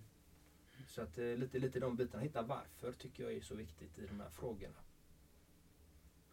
Så det... Ja, jag har en fråga faktiskt. Ja. Eh, Du, du, är ju hög, du har ju högkänslighet, har jag förstått. Eh, Mm. Kan du inte berätta lite om det, vad det innebär? Mm. Jag tror det är många lyssnare som också är lite nyfikna. Så här, Mm. Högkänslighet, som, ja, Mm. vad handlar det om? Nej men det var en sån aha för mig, liksom, det här med högkänslighet. Det kändes också säkert lite flummigt då jag först fick veta när min vän då som Du kanske är högkänslig Thomas? Och då, när jag, men sen jag fattade vad det var och det är ju ett personlighetsdrag. Och på engelska säger man highly sensitive person eller man kan kalla det sensorisk, vad heter det? sensorisk bearbetningskänslighet. Mm. Men det handlar egentligen till grunden att man tar in mer intryck Mm. och bearbetar mer information. Mm. Så om någon kanske tar in 10 saker så tar jag kanske in 100. Mm. Mm. Mm. Ungefär som att man processar mer data. Mm. Så mm, det finns också en beskrivning som är DOES som också används då. Att det handlar, D står för djupare bearbetning, just att man tar in mer information. Mm. Men då kan det bli att man kan bli överstimulerad då, O då, att man kan att det blir för mycket tankar. Mm. Att man tar in för mycket information. Och, och det är ju lätt att man blir utmattad, man får försöka lösa till alla liksom. Ja. Och sen E står för ökad empati då för att man just känner av mer hur folk mår och sen då SS står för det subtila. Mm. Men, men just för mig att förståelsen av att, att jag kanske jag ibland har jag tänkt att det är ungefär som att jag känner och tänker på fel sätt. Men det är kanske bara att jag tänker på ett annat sätt. Mm. Och de säger att 15-20% av befolkningen är ju högkänsliga och har det här personlighetsdraget. Och, och det finns ju beskrivet på många olika sätt det här med sensorisk bearbetningskänslighet. Det finns ju även hos eh, Vad heter det? Jag har glömt den förkortningen bara för det. Ja, skitsamma. Eh, när man säger barn som har problem i skolan också med mycket Ja. information. Så vad heter det? Förkortningen? Jag glömmer vad det heter. Är det ADHD? Ja, ADHD till exempel. Ja. Det är också en sån där, du vet, att du, du är, Mm. det är mycket som händer, att du tar in mycket information. Så det är också ett tecken på att du tar in mycket data. Mm. Och det gav så tydligt för mig att, att jag också känner av hur mår andra, att jag vill se till att alla mår bra Mm. och inse vad jag tar ansvar för alla. Ja. Och hur tröttsamt är inte det? Och så vill man planera för någon och så fixar man till dem och så glömmer man sig själv. Liksom. Ja. Och då var det så att, jaha men det är det jag gör. Att jag tar in mycket information. Och jag tänker och planerar på massa olika sätt i olika katastrofscenarier. Och när man går in i, i grupper så är det att jag kanske funderar och liksom känner av på ett annat sätt och det blir mer tröttsamt. Liksom. Mm. Och sen har jag fattat att alla kanske inte gör på samma sätt. Och då var det bara att jag fattade mig själv. Om ni förstår vad jag menar med högkänslighet nu då, att det blir massa olika... Ett, exempel är ju till exempel om de tar i en bok då eh, att, att eh, Ponera att du är ute och, reser med din familj till exempel och så kanske det är högkänsligt att du tar in mer information. Ni är i en stad och du vet, det är museer och man går ut på olika saker och det är med familjen. Och så har ni sagt att ni ska ut och äta på kvällen. Och så kanske du är helt slut. Det är så mycket intryck. Ja. Det har hänt jättemycket över dagen liksom. Och så bara, jag pallar inte gå ut och käka. Och så säger resten av familjen, vad tråkig du är. Vi har ju bestämt att vi ska ut och äta. Ja, just det. Så ger du dig själv lite dåligt samvete också för att vad dum, dum du är som är trött. Det är något fel på dig liksom. Mm. Den tycker jag liksom att, att, du, att, du, att just förstå den delen av att man kan ta in olika mängder information. Mm. Och den var för mig intressant att se. Mm. Ja, men jag tycker det är intressant för jag återkopplar ju alltid till att ha sitt, hitta sitt autentiska jag, hitta sitt syfte. Mm. I, och eftersom jag tar fram det i ord. Liksom, och då kan man ju använda det i alla områden i livet hela tiden. Och då är det inte beroende av vad alla andra tycker och tänker. Utan då återkopplar man hela tiden Mm, till sitt innersta jag. Och då har man verktyg liksom att bam, kunna skärma av. Men det är inget fel på mig. Jag är vacker som Mm. jag är. Och det här är vad jag har att erbjuda världen. Och det här är vad jag erbjuder mig själv. Mm. Det är det här fina som är Mm. hos mig. Mm. Och då blir det så mycket enklare. Jag ska inte säga att det är enkelt, men det blir ju enklare. Då har man ju ett verktyg hela tiden att navigera efter. Att man är unik och Mm. det här är vad jag står för. Då behöver man inte, då är det lättare, då behöver man inte eh, sticka, sticka in de här eh, stabbarna eller nålarna i sig själv eller pilar eller vad det är nu. Utan, nej men det är så här jag fungerar Mm. och det är fint att jag är som jag är. Ja, men det blir en självinsikt på något sätt också. Ja. Man skapar en förståelse. För det kanske jag har upplevt och kanske lite som man också. Att men då kanske jag hade fel intressen och var rädd för saker. Då. Mm. Men det kanske mer handlar om att jag liksom såg ett scenario. Vad innebär det här till exempel? Det, är det, finns det risk med detta? Att jag tänkte kanske på ett annat sätt. Och någon annan kanske var mer, "Ja, jag hoppar ner direkt om du skulle dyka eller någonting. Mm. Ja. Men när man fattar att ja, men det kanske är så att om man tänker några är krigare, några är liksom rådgivare. Eller vad man, man ska se. Ja. Man har ju olika syften. Ja. Och någon kanske, om vi nu går tillbaka till den här stammen på Exakt, 150 precis det pers. jag liksom. Ja, någon behöver se till att må folk bra i gruppen. Precis. Och det kanske inte alla ska känna av. Nej. Utan några kanske ska säga att det blir hot, då ska man agera direkt och skydda. Ja. Så att vi har ju också i en, i en har ju olika syften. Ja. Men det kanske är så att den delen jag har haft med mig kanske inte har sett som något positivt Yes. i den uppväxten man har varit med i då. Mm. Eller kanske också idag så är det väldigt extrovert och det ska vara aktivt och ditten och datten. Ja. Liksom. Så det blir också att man känner sig lite fel då. Mm. För jag, jag tycker så kul när jag kör min föreläsning så drar jag lite olika exempel. Exempel så jag har ju typ aldrig lärt mig att dyka. Jag lärde mig aldrig att dyka för jag tyckte nej, jag liksom, det var liksom inte min grej och sådär. Körde Och sen- kanonkulan då? Ja, jag körde kanonkulan. Liksom. Men, men jag fattar ju nu i efterhand vad det var som hände. Det var ju så otroligt mycket saker kring att dyka. Det var inte bara att man skulle dyka i och göra rätt. För det kunde ju också vara att man dök fel och fick magplask, vilket skulle ju väldigt ont. Mm. Det var ju alla andra som stod där omkring. Vad skulle de tycka? Skulle de skratta Ja, åt en? Skulle man bli ett skämt? Skulle man... Det var jättemycket laddningar. Ja. Då var det kanske mest bara undvika det. Nej, men jag tycker inte det är kul. Mm. Men nu fattar jag bara att det var ju... Jag tänkte ju otroligt olika scenarier. Liksom. Det finns ju otroligt mycket laddningar i detta. Mm. Och sen så är det ju Tänk om man dyker, det är ganska ologiskt tycker jag också då. Varför ska man ju där? Det är ju bättre att gå med fötterna först. För tänk om du dyker ner med huvudet och det är för, för grunt eller det kan Ja, vara en sten. Det finns ju mycket ologiskt då. Väldigt konstigt beteende. Väldigt konstigt beteende. Ja. Nej men så här, skämt åsido. Men det, är att jag fattar ju då att aha, jag tar väldigt mycket saker i beaktande innan jag gör någonting. Mm. Men då har jag ju känt att jag är feg. Mm. Men sen så tvärtom så spel- spelar jag ju saxofon och stod på scen och spelade. Mm. Men det kanske är en annan, en annan sammanhang. På något Ja. sätt. Jag, alltså jag kan ju relatera till det. Jag kan ju vara väldigt försiktig. Jag tänker tio steg innan jag gör någonting och så här, i, i någon slags gruppsammanhang kanske. Men jag älskar att stå på scen Mm. och hålla föreläsningar och presentationer. Då är jag ju som en, en annan människa men, men en annan del av mig Mm. kommer ju fram där. Men efter ett sånt event då behöver jag vara, i- ha lugn och ro Precis. och samla mig. Och, Få den vilan. Det jätteviktigt Men det här är ett mig. tydligt exempel i detta då. För då tar man just med, med det är lite exempel just på högkänslighets Ja. personlighetsdrag. För att då, när du står på scenen, Mm. då kan du själv kontrollera situationen. Ja, Du kan kontrollera, du kan förbereda dig. Du vet vad du ska säga på scenen och du kan planera din tid efteråt. mm, Då är det du som har koll och du står och pratar för folk. mm, Men om du går in i ett socialt sammanhang, ja, du vet inte vad man ska prata om. Det finns massa olika åsikter i rummet. Det kan bli massa olika typer av diskussioner. Du vet inte riktigt vad som ska hända. Det är väldigt mycket att ta hand om liksom. mm.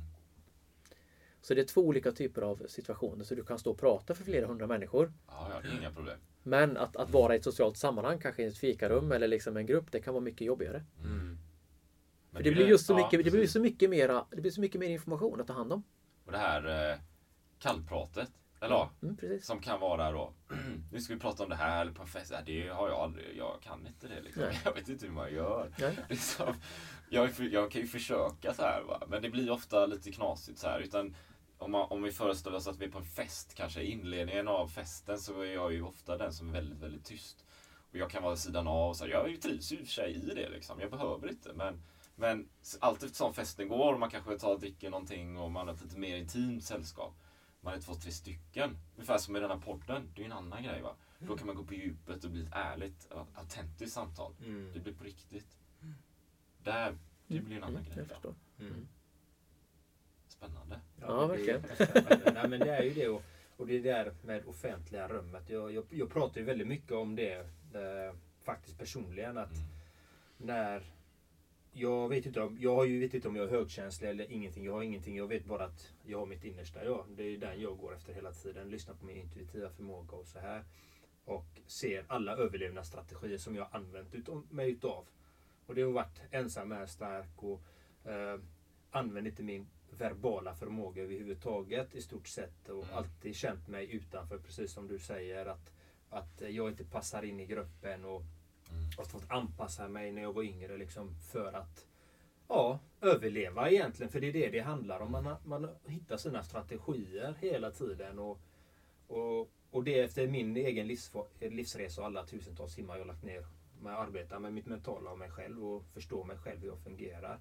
Så när, man, när jag hittade mitt autentiska jag så spelar det ingen roll i vilket offentligt rum jag går in i dagsläget. Att jag, jag känner mig alltid trygg. Jag känner att jag har min bästa vän med mig. Och det är jag. Och det är så fint att man kan känna så. Och jag önskar att alla människor kan känna så för att vi alla är fina, vi alla är vackra och vi alla är unika. Och det är som du säger, processa massa tankar, massa intryck och det är klart att man blir trött. Det är helt givet att man blir trött när man processar mer saker. Det är samma med träning. När du har en, en, en mängdträning, det är klart du blir trött. Det, det är logiskt. Och det gäller ju hela tiden att återkoppla. Okej, nu är det det här. Bam, okej, nu måste jag, måste jag andas. Jag Mm. måste, jag måste sätta mig i hörnet där, Mm. bara vila. Och att det är okej. Det är det. Att känna att det är okej. att jag, även när jag går in i sociala sammanhang i olika offentliga rum. Ibland väljer jag att vara verbal, kommunikativ. Ibland lyssnar jag in att, nej men idag vill inte jag det. Då tar jag tre steg bak och bara vi grundar och låter alla andra komma till tals. Utan hela tiden återkoppla till mitt jag. Mm. Och det är det jag tycker är så viktigt att vi som människor och att vi tillåter varandra att vara som vi är. Mm. Att vi är inte samma varje dag. Thomas, han, när han kommer in i det offentliga rummet, ja, idag vill han ta ett steg tillbaka och nästa gång kanske han vill ta två steg framåt. Så att vi inte har de här fördömande sättet att Thomas han är alltid sån här, Erik alltid sån här, Jan är alltid sån här. Nej, vi förändras hela tiden. Det är som hela livet. Liksom att jobba med de bitarna. Jag tycker det är jätteviktigt faktiskt. Och, och, och i, i det du berättar här nu då John Andreas, det är att lyssna på sig själv. Mm. Sin, sin intuition som du också nämnt där. Ja. Jag, jag är trött, ja men då får jag vara trött och, och ta det lugnt. Och jag har energi, ja då får jag ha energi. Mm. Det är ju väldigt lätt att köra över sig själv som vi har pratat om i hela podden här då. Ja. Eh, jag, jag är trött men ungarna vill att jag ska följa med på middag för det har vi sagt innan. Så jag följer med på middag så blir jag ännu tröttare och så är jag trött imorgon som ett resultat av det. Va? Så det blir väldigt lätt någon slags knepig spiral här. Så lyssna på sig själv, Mm. sin känsla. Mm. Mm. Ja, den är jätteviktig. Jag vet ju, jag arbetade som elektriker ett tag och el, elkonsult också. Och, eh, jag hade ett väldigt turbulent liv ett tag eh, kan man ju lugnt påstå. Och jag tog ju alltid eh, en halvtimme när jag hade min lunch. En halvtimme in, rest, eh, vilorummet, in i vilorummet. Bara la mig meditera varje dag. Bara la mig där lugnt och fint. Och det kan man göra. Man, det gäller att hitta i sin vardag. Var hämtar man kraft? Var kan man hitta sin kraft? Det är det det handlar om. Att stanna upp och vara där. Var, var får jag min kraft? Hur kan jag hämta den? Mm. För annars eh, går vi på hela tiden bara tuff, tuff, tuff, tuff, tuff på hela tiden. Vi bara matar på alla de här att göra-listan och vi tar på oss mer och mer och mer och mer och mer. Istället för att säga, nej jag hinner inte det här. Det, tyvärr, jag, mitt bord är redan fullt här. För att jag måste hinna ta hand om mig själv samtidigt. Ja, men det är nästan som jag tänker det här man, man, man, man- glömmer ju som vi sa det här med antalet intryck också. Att det är så mycket som händer hela tiden. Men det om vi skulle se fysiskt om någon skulle jobba en hel dag på, på gården eller liksom att man kör någon som springer ett maraton varje dag. Då skulle man säga men det, det är klart du måste vila. Det förstår jag att du behöver vila nu efter att du har sprungit ett maraton. Du kan inte springa ett maraton varje dag. Men någonstans rent liksom med alla intryck och alla saker vi ska göra hela tiden. Alltså vi springer ju maraton med vår hjärna hela tiden. Men vi tillåter oss inte att vila för det syns inte så det är liksom inte okej. Mm. Och det är väl det som jag tänker liksom, att vi ser ju inte och därför kör vi på. Och så har vi inte lärt oss att lyssna på oss själva för vi litar inte riktigt på oss själva. Yes. Det var det jag upplevde att men jag gjorde ju våld på mig själv för att men jag har något fel. Jag ska orka lite till. Vad, vad dum jag är som inte klarar det här. Jag borde göra lite till. Och sen till slut så gick det för långt. Men jag Det var som jag pratade med en vän också. Vi pratade just kring det här med utmattning och komma tillbaks. Jag upplever ju fortfarande samma känsla att man kan känna sig helt slut och man kan uppleva saker. Och då kan vi sk- skratta så mycket. Jag pratade med mina vänner som gick terapeututbildningen med. Så pratade vi just om det här att Nej, nej, nu har jag jobbat idag. Jag, jag är helt slut. Jag kommer inte komma tillbaks igen. Jaha, ja, nej men det är sant. Ja, men hur länge har du känt det här då? Ja, sen i morse. nej, men, men skämt åsido, det är att, att tidigare så var det att tryckte man ju bort den där känslan för att Ja. man tänkte att den var fel. Ja. Så nu är det ju så att jag upplever, alltså livet är ju upp och ner. Det händer ju jättemycket saker hela tiden. Man möter saker i livet. Men jag fångar ju dem tidigare och tittar på dem och låter dem inte stanna hos mig. Som jag då var helt slut efter en dag på jobbet. Eller vad det nu har varit. Ja men då, ja, men då var det för mycket. Okej, vad behöver jag för att landa där nu då? Så jag har blivit mycket närmare. För att på något sätt är det livet rör sig. Det går inte, jag, jag skulle kunna vara eremit om jag ville liksom, men det kanske inte ska vara så roligt. Men det handlar ju om just att möta livet och det är upp och ner, det är olika intryck. Som vi sa om idag med, med coronatiderna. Precis. Att det är ett yttre kaos. Det händer väldigt mycket, det är mycket intryck. Ja. Okej, men hur hanterar vi det då? Precis. Det handlar ju om att, möta dagen varje dag och hantera intrycken som kommer. Precis. Och det är mycket intryck för oss många. Det frågan är ju hur man hanterar det dag Ja. för dag. Och inte trycka bort det. Precis. Ja, precis. I, i, I koppling till det så har jag eh, min tredje fråga här. Ja, men vad bra. Vi, vi, du nämnde det lite innan så här och jag såg, jag, jag har ju tittat i boken, jag såg att du har ett kapitel också om eh, El Camino, Ja, just det. Mm, vandringen till eh, Santiago då. just det. Som jag tyckte var väldigt spännande så här. Och apropå att vi har många intryck och det händer väldigt mycket Mm. och det kan vara bra att komma iväg ibland och, och släppa allt det där. Mm. Så kan du inte berätta lite om den pilgrimsvandringen? Vad är det för någonting för det första? Ja. Och lite varför du gjorde den kanske? Ja men den är, alltså, den är helt fantastisk. Jag är ju, nu är ju vandring är ju liksom en naturlig del just nu. Men det var ju, jag gick ju den då i min återhämtning där på slutet. 2017 gick jag den första gången. Och jag har väl liksom länge tänkt att jag skulle gå den här El Camino liksom. Ja, men det, fan, det ska man göra någon gång. Och så var det liksom så här, ja men, ja, du vet, ja men jag kanske ska, ja men du vet, ska man åka och du vet, då ska man boka resa och hur funkar det att bo på vandrarhem och du vet, jättemånga varje rum och vad händer ifall jag går på toa mitt i natten, kommer folk att störa mig och Ja. liksom, det är ett massa olika här om och omkring så liksom, var, var mycket krångel. Men sen fick jag lite mycket, fick jag liksom bara signalen att men du ska åka. Så då valde jag liksom, okej jag åker ner för att testa. Det är liksom, jag åker ner en vecka för att se hur det är. Liksom. Jag måste bara ta mig dit för jag kommer ångra mig om jag inte åker. Det är lite min filosofi nu att även om man inte Alltså just när man fångar den här känslan av att man ska åt något håll. Även om det känns lite jobbigt så handlar det om att gå dit ändå. För att det är någon rädsla eller någonting man ska möta. Men sen när man väl kom dit så var det ju helt magiskt. Mm. Så jag skulle gått en vecka men det blev ju två. så jag bokade om så mycket som gick. Nej men alltså resan där var ju... Vad är det för någonting för det första? Ja just det, det var ju en bra fråga. Jag bara springer iväg. eh, Ja, jag förstår. El Camino så här. Ja men det vet väl alla. Nej skämt åsido. Nej men det, det är ju en, en... Du ska bli lite lyrisk när jag pratar om det för den betyder väldigt mycket. Men det är ju en... eh, Det finns ju massa pilgrimsleder i hela Europa. Det, men den här El Camino är väl den mest kända som är... Som går i Spanien då från Pyrenéerna i östra delen. Så du startar där och sen går du liksom till Santiago de Compostela. Så det är en vandring på 80 mil. Ja. Så man går, man kan gå på 30-35 dagar. Ja. Någonting då. Så det är ju dagsetapper och det är liksom vandra hem längs vägen. Så man har ju byar typ med kanske 5-7 kilometers mellanrum. Mm. Och så bor man i olika sovsalar och Mm. liksom går där längs vägen. Då. Så det är väldigt många som går den leden. Så det startar väl ett par hundra varje år. Mm. Eller varje dag menar jag. Mm. Så det är ju, man går igenom Pyrenéerna, man går igenom liksom sädesfälten och man går igenom Rioja med vingårdarna och man går igenom massa olika delar. Så det är ju fantastiskt fina möten. Man går, jag gick i alla fall en 20-25 kilometer per dag. Eh, människor från hela världen. Och just att kanske de som går leden också är liksom lite utav samma syfte. Att man liksom vill, man kanske är en stor livsförändring eller sådär. Så den gav väldigt mycket perspektiv och andrum tyckte jag. Och, och hur... Jag, jag, jag kan ju också nämna här, då, jag har ju gått den leden fem gånger, eller fyra Ja, ja. egentligen. Jag, jag säger fem för att det är fyra. Fast den femte är en annan mindre pilgrimsled som går i, i området där, fast det är ett kloster istället. Och jag gjorde den första gången när jag var 15 har jag för mig. Jag cyklade från eh, Sevilla Ja. som är, jag vet inte, det är lite längre men då cyklar vi då genom Estremadura, södra Spanien.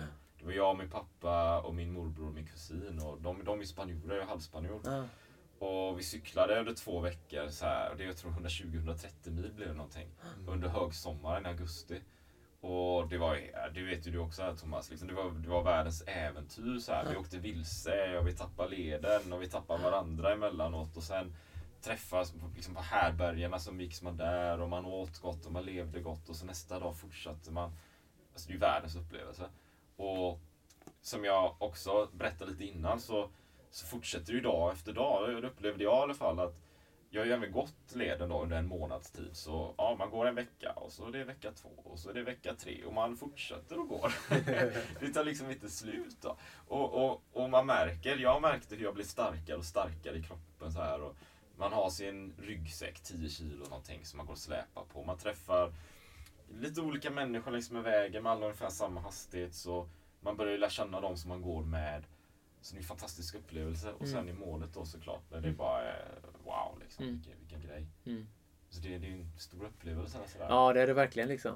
Nej, men det, är, ja, det är väldigt mycket som händer på resan. Alla möten Mm. och liksom perspektiv man får, får, på, får på livet till exempel. Mm. Liksom.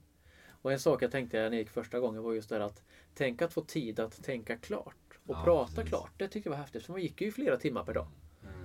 Och just den där tiden att få lugnet. Det var då jag verkligen tänkte det här med resan är liksom målet. När man tänkte att jag ska snabbt till nästa by. Men varför det? Liksom? Mm. Jag ska snabbt gå klart idag. När, när du, vad är det du ska göra då? Ja, men du ska gå 25 kilometer. Är det viktigt att snabbt komma fram till byn för att sen sitta och vänta? Eller? Mm. Det är väldigt fantastiskt just att, just det, du vet, att, att få låta saker få landa och liksom ibland bara rinna av kroppen. Jag vet jag träffade då, det var, jag, gick, det var, jag gick igenom en separation då precis innan jag gick redan första gången. Så att det är väl alltid något, kanske något syfte man går då. Jag kommer ihåg att jag träffade en italiensk dam i början. Bilo hette hon. Hon gick en pilgrimsled varje år. Mm. Och hon gav mig ett uttryck då att, att, så här, att genom att vandra så smälter man snön i kroppen. Mm. Och jag tyckte det var så fint då. Nej, men att, att det var just att det var ju mycket sorg som skulle ge, man skulle gå igenom och lite grann bearbeta. Att på något sätt att ibland så att det bara man, ibland- men också genom att man gick så rann det av en. Och jag vet vissa dagar då när man gick igenom det var ju mycket så här, ja, men kanske lite ånger och varför, varför blev det så här med separationer och allt det där. Och så kanske man gick med den känslan över dagen och så kanske man grät. Och sen så, men sen var det också som att ja, men då smälte den snön och det rann av en. Genom den vandringen liksom. Och det har jag med mig mycket idag också. Jag är ute och vandrar mycket och för det ger mig perspektiv. Liksom. Och det tror jag hade jag nog inte fattat om inte jag hade gjort den leden på det sättet. För det gav mig det här perspektivet. Annars är det som att man ska vara, som vi sa också tidigare här med liksom, att man är snabb till svar. Vi vill veta med Corona nu. Vi vill veta nu, vi vill veta när det blir klart, vi vill veta hur det går med ekonomin, vi vill veta nu. Men vi vet ju inte. Och hur känns det att inte veta? Men vad kan vi göra idag? För att man ska man gå en pilgrimsled på 80 mil? Det gör man inte på en dag. Nej. Och det känns skitjobbigt att tänka att man ska gå 80 mil för det är ju oövervinnligt. Men då tänker man, kan du gå en dag på 25 kilometer? Nej, det låter jävligt mycket. Ja, men kan du gå till första byn då? Det är 5 kilometer bort, en timmes promenad. Klarar du det? Ja, det kan jag. Mm. Sen när du kommer till den byn kan du gå till nästa by. Ja. Mm. För det handlar ju inte om att du ska göra allting på en gång. Nej. Du ska ju ta, vad ska du göra idag? Mm. Hur vill du må idag? Yes. Hur För- kan du uppleva dagen? Ja. Det är, det, är, det, är, det är inte mer än så. Nej. Och då blir det liksom lättare att ta sig igenom de här stora sakerna som är, Mm. om vi är nu tillbaks till Corona då. Ska Ja, man lösa allting där och ha alla svar? Det blir ju, det blir ju som, vi kan ju inte lösa allting och det blir ju liksom, försöker man logiskt tänka och, och spela olika scenarier, man blir helt slut. Nej, men jag Så det gäller just att landa den och den, jag tycker Camino var viktig. Den kan man prata mycket om. Jag vill åka dit igen fast vi får se vad det blir i år. Ja, jag och Lina har pratat om att åka till nej, det ja, vi, ja, vi har pratat om att vi vill gärna göra den leden tillsammans. Och, men det är mycket vi vill göra. Hon, eh, hon vill göra mycket också. Och det är bra att man vill umgås och göra saker tillsammans. Vi utvecklar ju också relationer ju mer man gör saker tillsammans. Då bygger man ju som vi här. Vi umgås och vi, då gör vi någonting fint tillsammans. Det stärker ju också våra band om man säger så. Det är viktigt tycker jag. De här bitarna. Men jag, jag tänkte på Caminoleden där, när du pilgrimsleden där. Eh, jag tycker det är intressant. Jag har inte gått den själv men jag tänker när man går de här sträckorna. Du är ju så mycket själv med dig själv. Och då ser du ju, förmodar jag, dina egna tankar, vad du tänker. Förstår du? Du ser ju, du pratar ju hela tiden Mm, fastän du är mm, tyst. Du pratar ju oftast med dig själv. Mm, mm. Och det tycker jag är fantastiskt. Så då, då, då har du möjlighet, som jag förstår det, då har du din möjlighet där att bearbeta vissa saker även tankemässigt och känslomässigt Mm. när du promenerar där. Mm, mm. Och eh, det, det, jag ska återkoppla till hur jag tänker där. Jag tänker på hur ser du på förlåtelse? Hinner du för, gör du någon förlåtelse där eller hur ser du på det? Jo, jo, men det, det är mycket sånt som sker. Det är ju, jag tror liksom tiden gör ju att att man, man förstår saker och ting. Liksom. Det kan vara ibland, jag vet nu i somras när jag gick så var det ganska, det var ju ganska påfrestande att släppa boken. Det var väldigt mycket, men jag har aldrig släppt en bok innan. Men Nej. man ska göra det någon gång också, tänkte jag. Ja. Nej men att, att då kanske det var väldigt var mycket egentid då när jag gick nu i somras då. Min, Mm. andra, min, min andra gång då, jag har bara gått två. Ja. Men då gick jag väldigt mycket själv och det var som också att det var också att man kommer ifatt sig själv. Mm. Och då kanske man till slut så fattar man kanske någonting och det kanske är så, då kanske man förlåter sig för någonting eller vad det nu må vara. Att det, det faller liksom på plats. Det är som att man, ja men jag kan inte nästan säga det bättre än att man kommer fatt sig själv. Mm. Att hjärnan har gjort så mycket, man har skapat mycket, man har gjort mycket nya saker. Men så måste kroppen hinna ifatt också. Och till slut, det är liksom då, då landar det liksom. Ah, Okej, Okej. då sjunker det in ja. Och då blir det som, ah, okej, då blir det så tydligt på något sätt. Mm. Och det är kanske de också vandringarna som man gör nu idag när man är ute och vandrar mycket, är iväg och går ibland. Liksom, några dagar liksom. Ja, det blir som klarhet liksom. Det faller på plats. Det är som att, ja, ja, det var så jag tänkte. Mm. Ja, nu fattar jag varför jag kände sådär, för det hängde ihop med det där. Mm. Men om vi springer hela tiden och ska lösa saker hela tiden så hinner vi inte reflektera varför vi, vi känner så. Vi kanske bara agerar, Precis. agerar, agerar, agerar, agerar. Precis. Men sen fattar jag, jaha, nej, men det där var inte viktigt för mig. Varför? varför? Alltså för så kan det vara, det kan vara, oftast säger man inte så. Varför höll jag på att tjata om den där saken? Det var ju inte så viktigt egentligen. I Nej. stunden var det jätteviktigt. Ja, just det. Varför var det viktigt i stunden? Precis. Men då måste man ju stanna upp där ibland för att se, var det Precis. viktigt egentligen? Och där, där har man ju, eh, det kan ju vara en vandring som Santiago eller det här området eller bara gå ut och promenera. Jag, jag springer ju mycket Mm. men när jag springer upplever jag att det är lite annorlunda. Visst blir det? Det, det, det är en fart och även när jag springer långsamt Mm. så är det mer en träningsaktivitet. Det kanske får rensa hjärnan på något sätt. Och det har sina fördelar. Det, det, det är viktigt tycker jag, upplever jag. Men, men promenera, det är något annat. Det är något annat. Det är mer betrakta tillvaron på något sätt. Mm. Va? Och ibland kan jag ju gå och lyssna på någon podd eller någonting. Men ibland lyssnar jag inte på någonting. Och så går jag i skogen och lyssnar på fåglarna. Så här. Mm. Det är ju det är, det är ju sån så här naturterapi liksom. Mm. Är saker sjunker in Precis. på djupet. Nej, det är fint. Återkopplat till naturen. Nej, men jag tror jag håller med. Det är viktigt liksom. Och eh, sen har vi ju meditation också. Det tycker jag är en väldigt viktig del i mitt liv att använda sig utav för välbefinnande. Och det är ju att du mediterar också Ja. en del. Mm. Är det någon speciell eh, inriktning du har på meditationen eller? Alltså det är så roligt. Jag har, jag har faktiskt, jag har nog fått den här frågan innan, men, men eller jag har själv funderat på det. För jag testade sådana här olika typer av meditation och så finns det olika övningar liksom. Så bara Nej, jag kör min eget. Jag tror jag har, på något sätt har jag kanske utvecklat min egen meditation. Ja, Så jag har ingen speciell teknik tror jag. Jag kör, jag kör mitt eget liksom. Bödda har vi här, bara så att ni vet. Precis. Nej men, men för, alltså för på något sätt är ju meditationen är ju för mig i grund och botten är det att komma ner i ett lugn och liksom få perspektiv och låta kroppen slappna av på ett djupare sätt. Det är det som för mig handlar om. Att när jag kommer i meditation så handlar det nästan som att Ja men för mycket det kroppen eller hjärnan, att man slappnar av på ett sätt och liksom inte tänker på någonting. Och sen är ju vägen dit olika. Mm. Men det är, och då kanske jag har mitt sätt, att jag har min rutin. Jag ibland gör meditation på kvällarna, men då kör jag liksom lite kort yoga Mm. och sen andning för att komma i mitt lugn. Då. Mm. Men det kanske också, jag har ju gör, gjort sånt här nu i flera år. Ja. Så jag har ju liksom både med vandringar och Precis. så jag har hittat det. Men, så det är väl det att hitta sitt sätt. Men också att man inte heller blir låst av att nu ska jag meditera på det här sättet enligt den tekniken. Mm. Utan mycket handlar ju om faktiskt att hitta det här lugnet och då kanske du har ett sätt redan. Mm. Det kan ju vara att gå ut i naturen. Det kan vara Precis. meditativt att sitta och sticka. Det kan vara meditativt att göra något annat. Yes. Så att man inte heller där blir låst av att man ska göra på ett visst sätt. Att oj, för nu ska man meditera för då ska man göra så här. Då ska man sitta som Buddha eller man ska Ja, sitta på det här precis. och så ska man humma mm, eller något. Mm. Utan att hitta sitt sätt. Att hitta sin Exakt. balans. Så det kanske det kan vara bra att ha tekniker och liksom verktyg i början. Men sen Mm. så handlar det om att hitta sitt sätt. Exakt. Inte göra det så krångligt. Nej, Nej men, men det är ju som man säger, man är ju nybörjare i början. Precis. Det spelar ingen roll vad det än är. Till slut har man utvecklat någonting och då kan man göra det på sitt eget sätt. Det är, Mm. Titta på Zlatan. Han tittade på Ronaldo. Hur Ronaldo gjorde sina feter och så helt plötsligt så är han ju en världsstjärna i, i det han gör. Mm. Så att säga. Det gäller ju att titta på de som har gjort eh, resan och titta, okej hur gjorde de? Och så gör Mm. man sitt momentum och, och sen hittar man sin egen hur ens egen Mm. biologiska kropp fungerar och Mm. ens mentala tillstånd fungerar. Mm. Det är det det handlar om hela tiden. Mm. Och, Ja, och hitta en flexibilitet i det, att man inte blir låst i någonting. eh, Ett visst vanemönster. Vanor Ja. är bra men det är också en viss att man kan bli låst. Precis. Så att man får ju vara öppen tycker jag. Som du säger. Och det kan väl vara ovant också. För jag kommer ihåg de första gångerna jag gick på yoga till exempel. Det kändes ju också, att man ska första yoga, så bara, men det är för flum. Jag ska gå ut och träna hårt istället. Man ska köra något gympass eller Ja. köra något löppass. För jag fattade inte yoga. Men sen var jag på ett yogaretreat och då fattade jag yogan. Att det var den här avslappningen. Att man lyckades slappna av i den muskeln eller den spänningen någonstans. Och hitta det lugnet. Men det var ju också väldigt ovant i början att faktiskt låta tankarna få landa. Mm. För att jag var så otroligt van av att hela tiden vara aktiv. Mm. Och det är också en sak att faktiskt tillåta den där mixen att det kan vara jobbigt att vara still. Mm. Alltså egentligen så kan det ju inte jobbigt att sitta still i en halvtimme och inte göra någonting. Men tänk att det kan vara jättejobbigt att sitta still och inte tänka på någonting. Om man är ovan. Yes, ja, men så är det. Jag har varit Men, det är, men visst är det, och- men det är också att ha respekt för att det är ovant. Ja, Och också hitta sitt sätt då. För det är ju så spännande med de här. Det är ju Sakerna, väldigt liksom. roligt faktiskt. Och det är lätt att fångas in i saker att göra. Ja.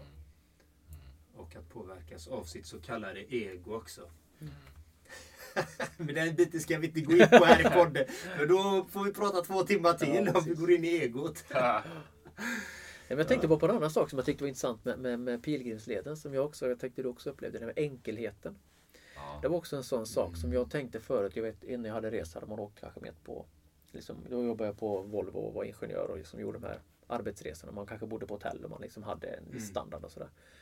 Och så bara, ska man bo på vandrarhem? Och oj, oj, oj. Ska jag ha bara de här tre par av allting klädes, klädesmässigt? Man hade ju inte så mycket.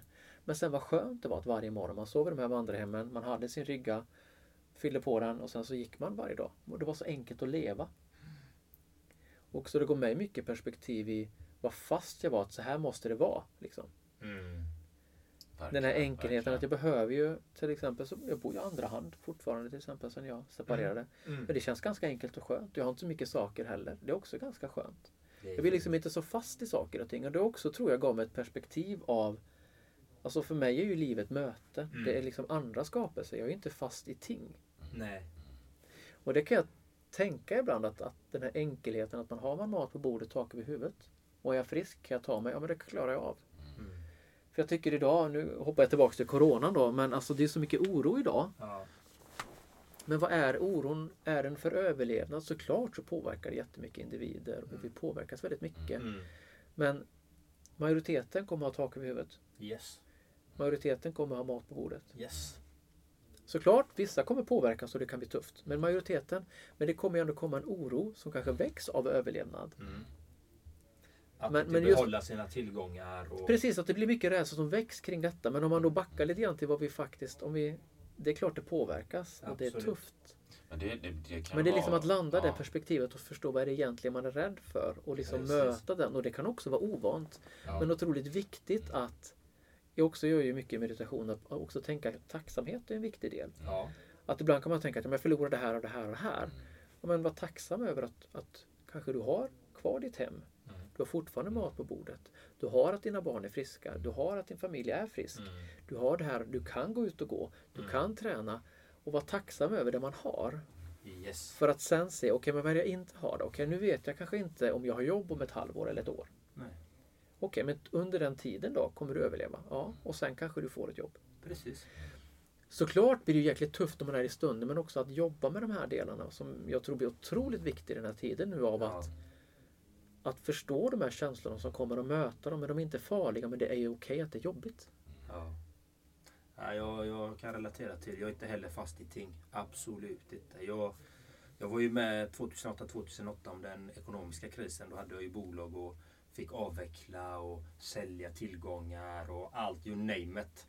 Så att, eh, och jag vet ju att det är det här som händer just nu. Mm. Och det är därför jag personligen har sådana här coronasamtal gratis på min hemsida. Att människor som är utsatta och som känner det kan ringa mig Mm, eller mm. skicka meddelanden så att vi kan ha ett samtal om bara just om det. För jag tycker det är så viktigt att inte låsa sig vid ting och materiella tillgångar. För att då blir man fängslad i sitt eget fängelse. Att du har ett fasthållande, du har ett begär att ha det här är mitt, jag, det här är mitt, jag måste ha kvar detta. Till varje pris. Och det är det som skrämmer många människor i dagsläget. Det är bolag som går i konkurs och det kommer vara familjer som går i konkurs. Det kommer, klyftorna kommer öka. Det, det, det är så Mm, det är mm. i alla kriser.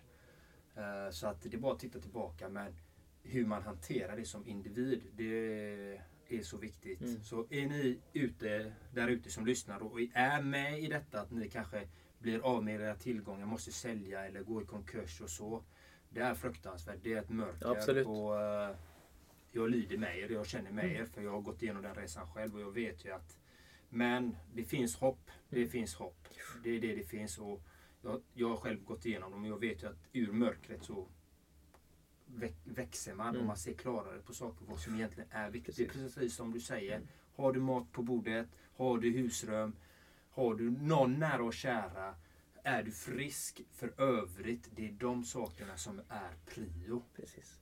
Allt annat är bonus. Mm. Och, det, och det, det är ju det som är, jag, jag kan ju liksom också tänka mig att det här, det här låter ju väldigt provocerande. Liksom. Det är lätt för Mm. er att sitta och prata om det här nu, Ja. ni, ni som lyssnar. Men det är just det som är ändå alltså medskicket. För jag vet ju, jag gick ju själv igenom det mitt sju- 2017 som jag säger, det var ett av mina värsta och bästa år. Liksom. Men Mm. då, då gick jag igenom separationen. Mm. Jag fick lämna huset, jag Mm. fick lämna mina bonusbarn, Mm. jag fick lämna hunden. Mm. Jag sa upp mig från jobbet, startade eget. Mm. Så att jag, jag förlorade ju allting Mm. egentligen på så sätt. Då. Mm. Och samtidigt året innan hade jag ju fått förstått det här med högkänsligheten. Jag hade liksom gått igenom min egen känslohantering och liksom Mm. förstått hur jag ska hantera det. Så det var ju Alltså det var ju otroligt jobbigt. Mm. Det var ju otroligt tufft tid alltså att gå igenom separationer. Jag minns de här tillfällena och jag har gråtit så mycket och man har gått Ja. igenom väldigt mycket tufft. Och det är en jobbig tid. Men jag Ja. visste också att det är okej att det är jobbigt. För jag visste hur jag skulle hantera det. Jag visste att okej, jag lyssnade mycket på vad jag behövde för att gå igenom min sorg. Mm. Vad behöver jag för att det här ska vara, få vara jobbigt? Mm. liksom göra till kanske mer träning och vandring och, och lyssnade på vad behöver jag för att gå igenom sorgen. Mm. Så det jag menar att det är ju en otroligt tuff situation. Mm. Så frågan är ju vad man behöver i den här situationen som är nu. Vad är det som är viktigt i det här? Mm. Precis. Och det var lite det man, jag insåg när jag gick igenom separationen och all den här förändringen. Okej, vad är viktigt just nu? Ja, men det är de här vännerna och den här familjen. Ja. Det är inte de här sociala aktiviteterna nu, utan nu behöver jag möta och få och ta hand om mig. Ja. Ta hand om Och det är väl det som är så viktigt just nu tror jag. Att, att, att vi måste få möta det här eh, och ta hand om sig själv då i det här. Och se vad man har. Och, liksom. Mm. och sen är det jättetufft att gå igenom och det ska man ha respekt för. Men Ja. att då vara snäll mot sig själv i processen är väl det viktiga. Liksom. Precis. Och, och faktiskt även om man är i den processen eh, så är det lätt. Det är många som tar till eh, olika typer av missbruk och sådana här saker. Och jag förespråkar hellre välj, om du har möjlighet, välj gå ut i naturen och ta hand om din hälsa. Välj bort de sakerna istället för de där sakerna bedövar bara våra känslor. Och du får ett större bagage istället längre fram om du Precis. väljer alkohol Precis. eller olika droger eller tittar på porr dagarna ända. Det spelar ingen roll vad det är, vilket missbruk det är. Utan det är bättre att ta sunda vanor. Mm. Träffa fina människor. Gå ut i skogen, gör det du mår bra utav. Mm. Som du gjorde när du var liten. Mm. Titta på de bitarna, även om du är mörker. Och jag vet att det är jättejobbigt. Jag vet det. Mm. Mitt mörker kan inte liknas med ditt Nej. där ute. Men, men vi har ju upplevt mörker, både jag, Mm. Thomas och Erik. Och vi, Jo, jo men det är ju jättetufft. Och, ja, och det är väl just det där man, man tänker att det mörkret vill man inte gå in i. Att, Mm. att, att, att, jag är så tacksam för det året jag hade innan. Just att, för då fick jag ju möta den här, det här mörka hos mig själv.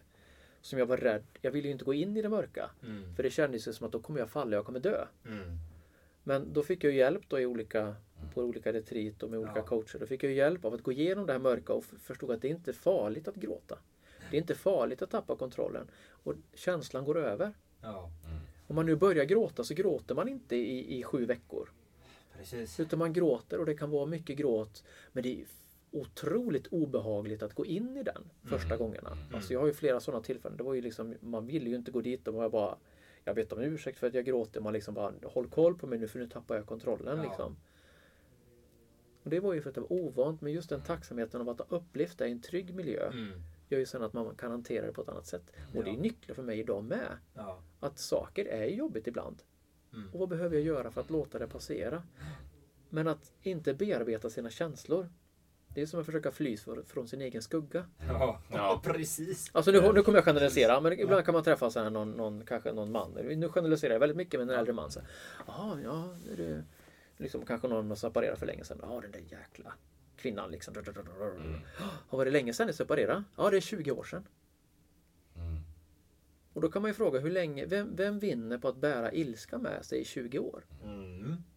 För det handlar ju om att då har du inte själv mött någonting. För den, din, ditt ex då har kanske levt på ett annat sätt i 20 år. Men du själv Mm. går ju och grämer över någonting som hände för 20 år sedan. Hur mycket hjälper det dig just nu? Det är just att du inte har vågat gå in i det. Men det är ju också ovant. Om man Ja. inte är van i det Precis. så är det ovant. Ja. Och det är läskigt. Ja, Och ge det respekt också då. Att, att, men också att se vad är det som händer när man ska möta den här ja, känslan då. precis. Så det. Ja, det är fantastiskt. Ja, vad säger du? Vill du ta sista frågan? Det kan jag absolut Erik? göra Jan Andreas. En ära. Ja. Och, och, och vi har ju podden då, Lev ditt drömliv. Den heter ju Lev ditt drömliv, givetvis. Va? Och det vi gör mycket och det vi vill uppmuntra våra lyssnare till också, det är att hitta sitt autentiska jag och leva sitt drömliv och hitta de här bitarna, nycklarna och, och dörrarna som ska öppnas, allting så man faktiskt kommer dit. Och vi strävar ju också efter att leva våra drömliv och, och komma på den banan såklart. Så vår fråga till dig då Thomas är givetvis idag så här, lever du ditt drömliv? Oj, vilken fin fråga. alltså det, ja, det jag, jag känns som jag går in så det beror på. Nej men jag, just nu så mår jag väldigt bra. Mm. Och eh, för mig är väl just det här med att leva sitt drömliv är väl att vara i rörelse och ge sig in på ol- olika saker. Så på något sätt har jag väl också så här, men tänk hur det kommer vara sen. Det kanske blir ännu roligare och bättre. Eh, ja, vilken svår fråga. Men jag, jag tycker jag mår bra. Ja. Och jag är väl ganska ödmjuk kanske. Men Ja. vad är drömliv? Alltså, jag tror det är så här. Jag har så mycket mer jag vill göra. Ja. Så det är ju så här, ja, men shit, det här vill jag också göra. Så där borta är min dröm. Men samtidigt så drömmer jag just nu. ja. Så, att, så att det är väl... eh, Precis. Ja. Det är en fin fråga, eller hur? Ja, det, det väcker många tankar. Ja. Så det, men det handlar för mig mycket vara i rörelse och liksom också hela tiden utvecklas. Mm. Så för mig är inte drömliv att nå någonting heller utan det är också en väg på något sätt. Och det är väl det som är det spännande kanske. Det är lite så. Ja, det är bra. Det, är lite, det kanske är lite som att gå till Santiago. Själva resan är det ju. Ja. Ja, det är resan som Ja. är livet. Det är ju det. Ja, fast jag insåg nästan att jag varit lite sådär, oh shit, har jag mitt drömliv nu? Ja, ja, ja, fast jag vill ju ha det här och det här också. Jag vill ju ha så mycket mer. Men samtidigt njuter jag. Så att det är nog... Ja. Men det är väl tillväxten då? Ja, jag tänker att det är ju hela tiden den här personliga utvecklingen. Ja. Har vi inte den och stagnerar då, då, då har vi ju förfall istället. Ja, vi har ju hela tiden här att det växer lite grann. Vi Ja. lär oss lite mer. Vi, vi, vi tar in oss nytt. Ja. Det är ju en del av livet, Jo, tänker jag. kanske. Ja. Ja. Resan då. Ja, det var Precis. fantastiskt. Det var väldigt fint att ha det här Thomas. Och för er lyssnare där ute. Kan varmt rekommendera läs Sårbar man av Thomas Andersson. Jättefin bok och ni har hört honom här hela podden. Fantastiskt fin människa. Så vi tackar dig Thomas för att du ville komma hit idag. Tack för att jag fick komma Tusen hit. tack Thomas. Ja, tack så mycket. Riktigt roligt. Ha det gott så länge allihopa där ute. Ha det fint. Ha det gott. Hej.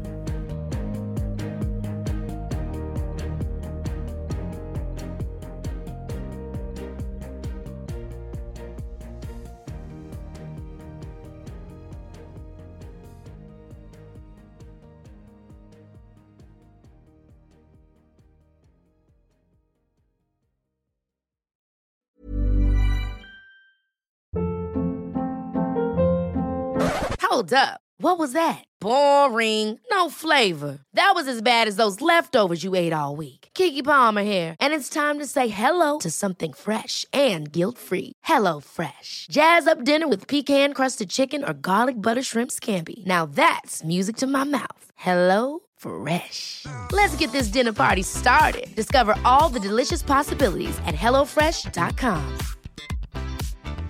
Planning for your next trip? Elevate your travel style with Quince. Quince has all the jet setting essentials you'll want for your next getaway, like European linen, premium luggage options, buttery soft Italian leather bags, and so much more. And is all priced at 50 to 80% less than similar brands. Plus, Quince only works with factories that use safe and ethical manufacturing practices.